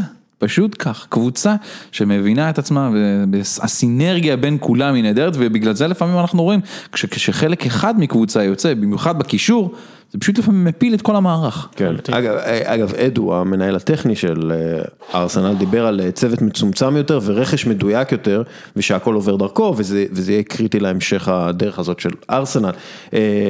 שוב, כי עם כל הכבוד למיקאל ארטטה, ההצלחה בסופו של דבר תלויה בשחקנים, אז זה, זה, וזה לוקח אותי כאילו לשיחה בכלל על, על העברות. אתה יודע, אנחנו עכשיו מדברים למשל על סאות'המפטון טוטנאם ועל גארת בייל, דרך אגב, סאות'המפטון טוטנאם זה הדרבי של גארת בייל, ואומרים באנגליה שגארת בייל מגיע לא בגלל מוריניו, מוריניו לא בהכרח רוצה אותו, אלא יותר בגלל דניאל לוי, ה- היושב ראש. ושדניאל לוי שם מקושר ושהוא צריך איזה משהו, להראות איזשהו אה, ניצוץ מההנהלה, כאילו איזה, איזה, ואז אתה אומר לעצמך, רגע, טוטנאם צריכה הרבה דברים, אבל האם היא צריכה את גארת בייל? אני חושב שטוטנאם בשנים האחרונות ובעיקר בתקופת פוצ'טינו הייתה אחת התקופ... הקבוצות הפחות פעילות באירופה בחלון העברות ודיברו על זה הרבה.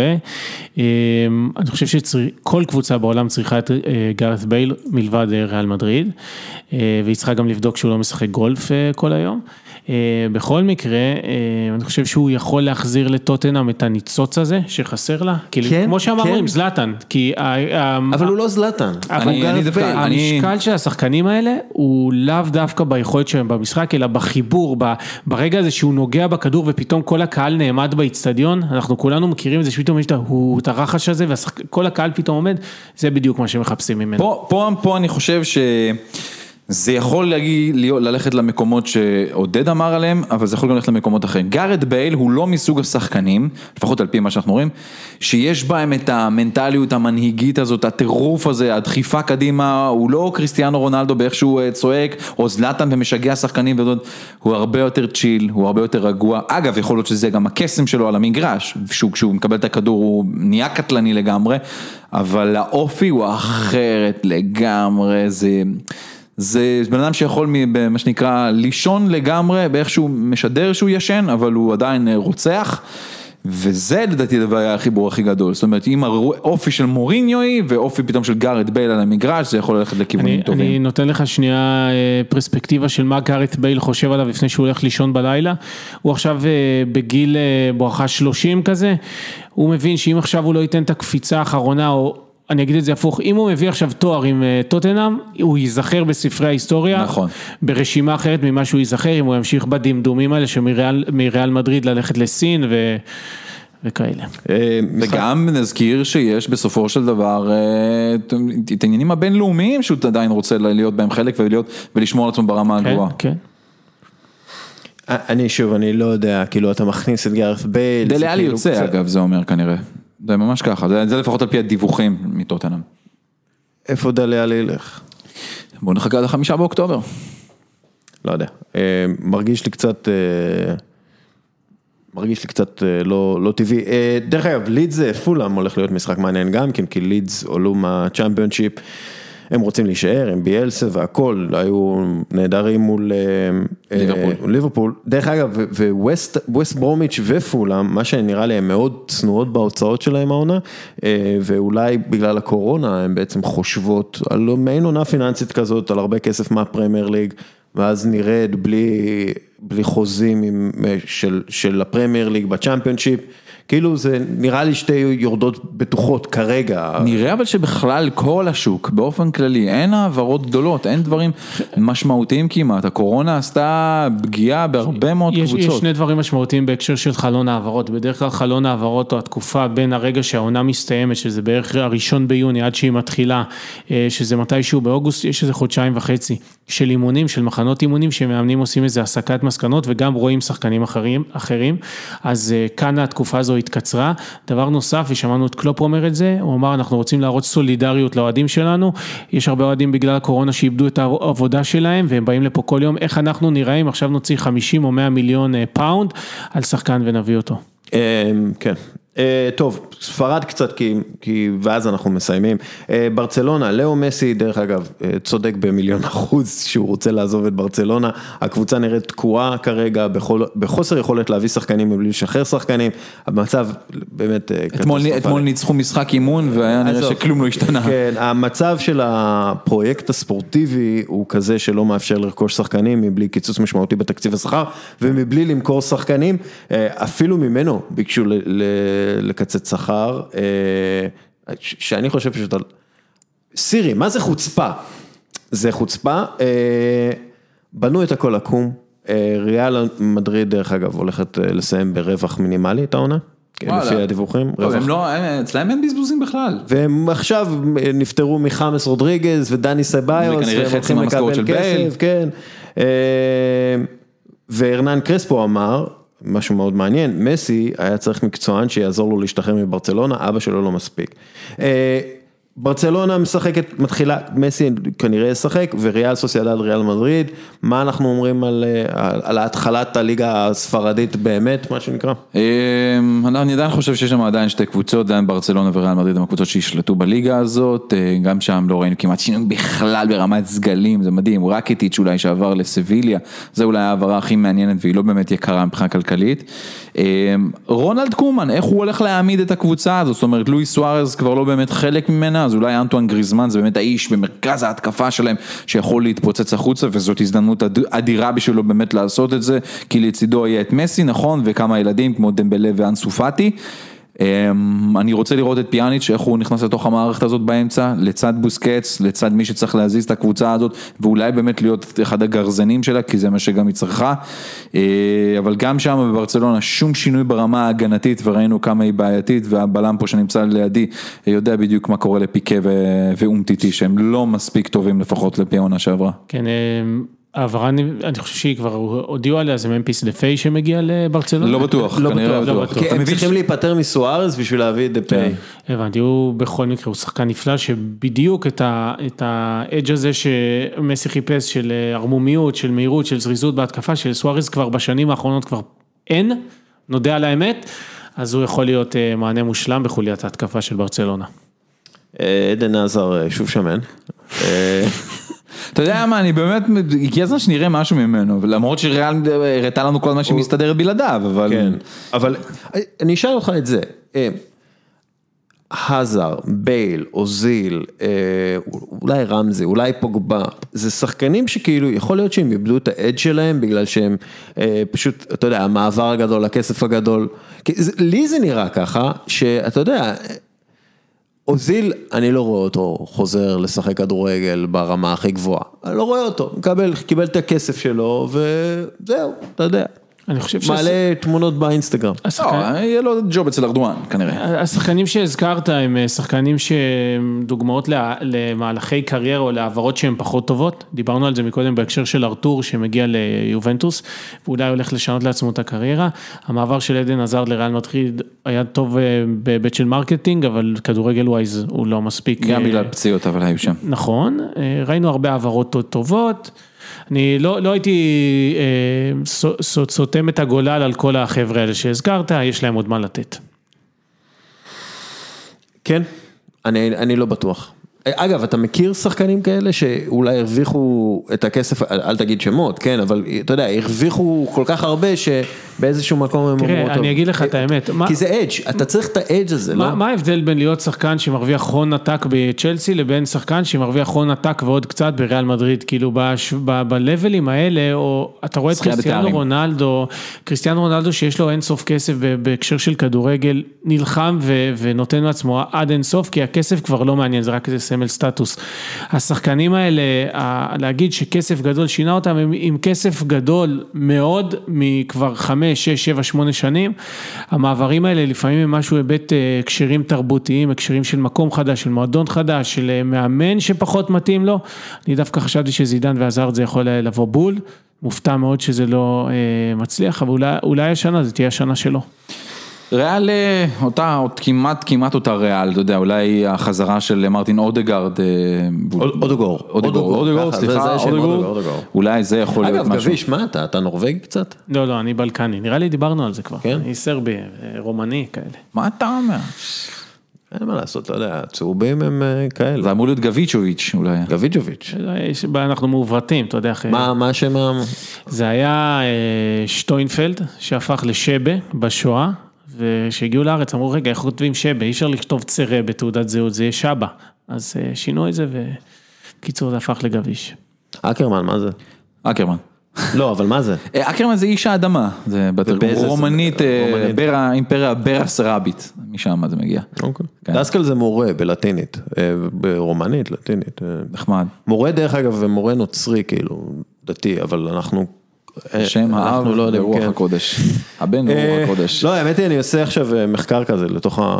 למשפחה? כן, הגענו אני יכול ממש להגיד לך רחוק, ש- הגענו ממש רחוק. כשאני גיליתי על עצמי המון המון דברים שהתחברו לי עם החיים שלי בשש שבע שנים האחרונות. כגון, איזה דברים? בוא בוא נדבר על זה. אה, סבא וסבתא שלי נולדו באיטליה. לאבא שלי, שלא הכרתי אותו באופן אה, מלא, אה, יש דרכון איטלקי. וואו. והוא היה באיטליה אה, כל הילדות שלו, הוא גר שם באזור ברינדיזי בדרום. לא ידעתי את זה. אז אתה אתה קרוב משפחה של גטוסו או משהו? יכול להיות, הלוואי, הלוואי. זה, זה היה מאוד מאוד מרתק, להבין שפתאום המשיכה שלך למשהו היא כנראה משהו שיש בך אפילו בתוך הדם. כן, אה? זה, אתה יודע. שינוי מטורף כאילו ברמה המחשבתית. קראתי, קראתי מחקר לאחרונה על איך אה, אה, טופוגרפיה משפיעה על אה, אישיות של אנשים מאזור מסוים. וכאילו מאזור, זה מחקר מרתק מאוד. כלומר, וכאילו אנשים שלמשל גרים על ערים, נולדו על ערים והתפתחו, גנטית הם, יש להם איזו אישיות אה, מסוימת. הם כאילו נמשכים לאיזשהו מקום מסוים, נמשכים לאיזשהו אה, אופן מסוים. זה מרתק, אז מעניין. זה, אה, מעניין. לגמרי, זה לוקח אותנו טוב. ואם אנחנו שוב בריאל מדריד, אז אה, נראה שהליגה פנויה עבורה. מתחילה מול ריאל סוסיידד המשחק הראשון שלה. עודד, עודד גביש, כן? בעל ארבעה תארים. לא, לא. אתה עושה דוקטורט? אתה עושה דוקטורט מתישהו? אה, אני עכשיו משלים עבודת תזה, אה, האמת. על מה? אה, על תחום של... אל תעתיק מפירלו. לא, לא, לא, תחום של... שפירלו העתיק מזה. יש עולם חדש בעולם הפיננסי שנקרא מתווכים אגרגטורים, שכמו שיש אובר שמתווך בין נוסע לנהג, אז מתווכים שמתווכים בין מלווה ללווה. אז אה, זה תעשייה שלמה שנקראת אה, New Generation Banking, שעולם ממש חזק, אני חוקר את ה... אני גם עובד בתחום הזה, חוקר אותו, ו... וזהו. זה טינדר למשקיעים. כן, סוג. באופן כללי להיות מתווך, אם אתה טוב בו, אה, עסקה, עסקה, טק, זה, טק. זה. מדהים. קח כאילו סוכני שחקנים אה, שזה תפקידם באיזשהו דבר, זה מטורף. בהקשר הזה של האשראי האלטרנטיבי האינטרנטי הזה, באים גופים שהם מתווכים, נכנסים לנעלי הבנקים בלי סניפים, בלי עשרות עובדים, ועדי עובדים, רכבים, פנסיות, ופשוט מתווכים ביני לבינך, ומה שהם לוקחים בדרך זה הדמי ניהול מה, מהכסף שאני מלווה, וממך מהכסף שאתה, מהריבית שאתה משלם. מדהים. אקרמן, כן. מה... אין לי? תארים, אני בסך הכל איש ערוץ הספורט שנהנה מהחיים, עושה מה שהוא אוהב, אפליקציות כאלה, נהדרים, רשתות חברתיות, חמש רדיו, כאלה, הכל בסדר. מצוין. ושיהיה. לכולנו בעיקר חג שמח. שנה טובה. ובריאות. ותנסו לשמור על הכללים עד כמה שניתן ולשמור על המשפחה ברשותך שלכם. המשפט. כן. אני רוצה להגיד כי יש פה הרבה צופים צעירים. מאזינים. אה, מאזינים, סליחה. אני, משהו שאני עשיתי ומצאתי אותו מאוד אה, מתגמל וגם עוזר. אה, לתלות בבניין, יש, כולנו גרים אנשים מבוגרים בבניין שמפחדים לצאת, תתלו בבניין, אה, חבר'ה, מי שצריך עזרה, תשאירו את הטלפון שלכם, זה מבורך, זה עוזר, ובאמת אנשים נעזרים בזה, וזה הדבר הכי טוב שיכול להיות. בואו נכון. נעזור לאנשים אחרים, נעשה את העולם הזה קצת יותר טוב. אני בסגר הראשון תליתי, אנחנו גרים בקומת קרקע, בסגר הראשון תליתי אה, שלט שכל יום, אה, בג- אנשים בתוך הבית, בתוך הזה, בכל יום בשעה ארבע כולם נפגשים בחנייה ביחד, אה, עם מסכות וריחוק חברתי, כדי לפחות להעביר כמה שעות ביחד ושהילדים יוכלו להרעיש, להשתולל בחנייה עם מה שהם רוצים, וזה היה נחמד. אה, כן, זה מאוד, אגב, זה מאוד תלוי באיך שהשכונה בנויה. ברור, לגמרי, לגמרי. בנוי וזה, אבל אה, כן, אתם גם יכולים אה, לעזור, אה, עמותות אה, מסוימות כמו אה, מנהיגות קולעת, אה, בועטות, אה, אתם יכולים לעזור לספורט, אה, אתם יכולים לעזור אה, לעמותה של... אה, של אוהדי מכבי נתניה שקונים אה, מחשבים לילדים שצריכים בשביל הלימוד אה, מרחוק, שזה כנראה משהו שילווה אותנו עוד הרבה זמן. תודה רבה לך. תודה, תודה. עודד גביש, תודה. רבה. אסף אקרמן, תודה רבה. רבה ללשכת המסחר הודו ישראל על החסות לפירוט הפרק, תודה רבה לקפה טורקי עילית על החסות לפרק, ותודה רבה לך, מאזין יקר, שנשאר עד הסוף. יאללה, ביי.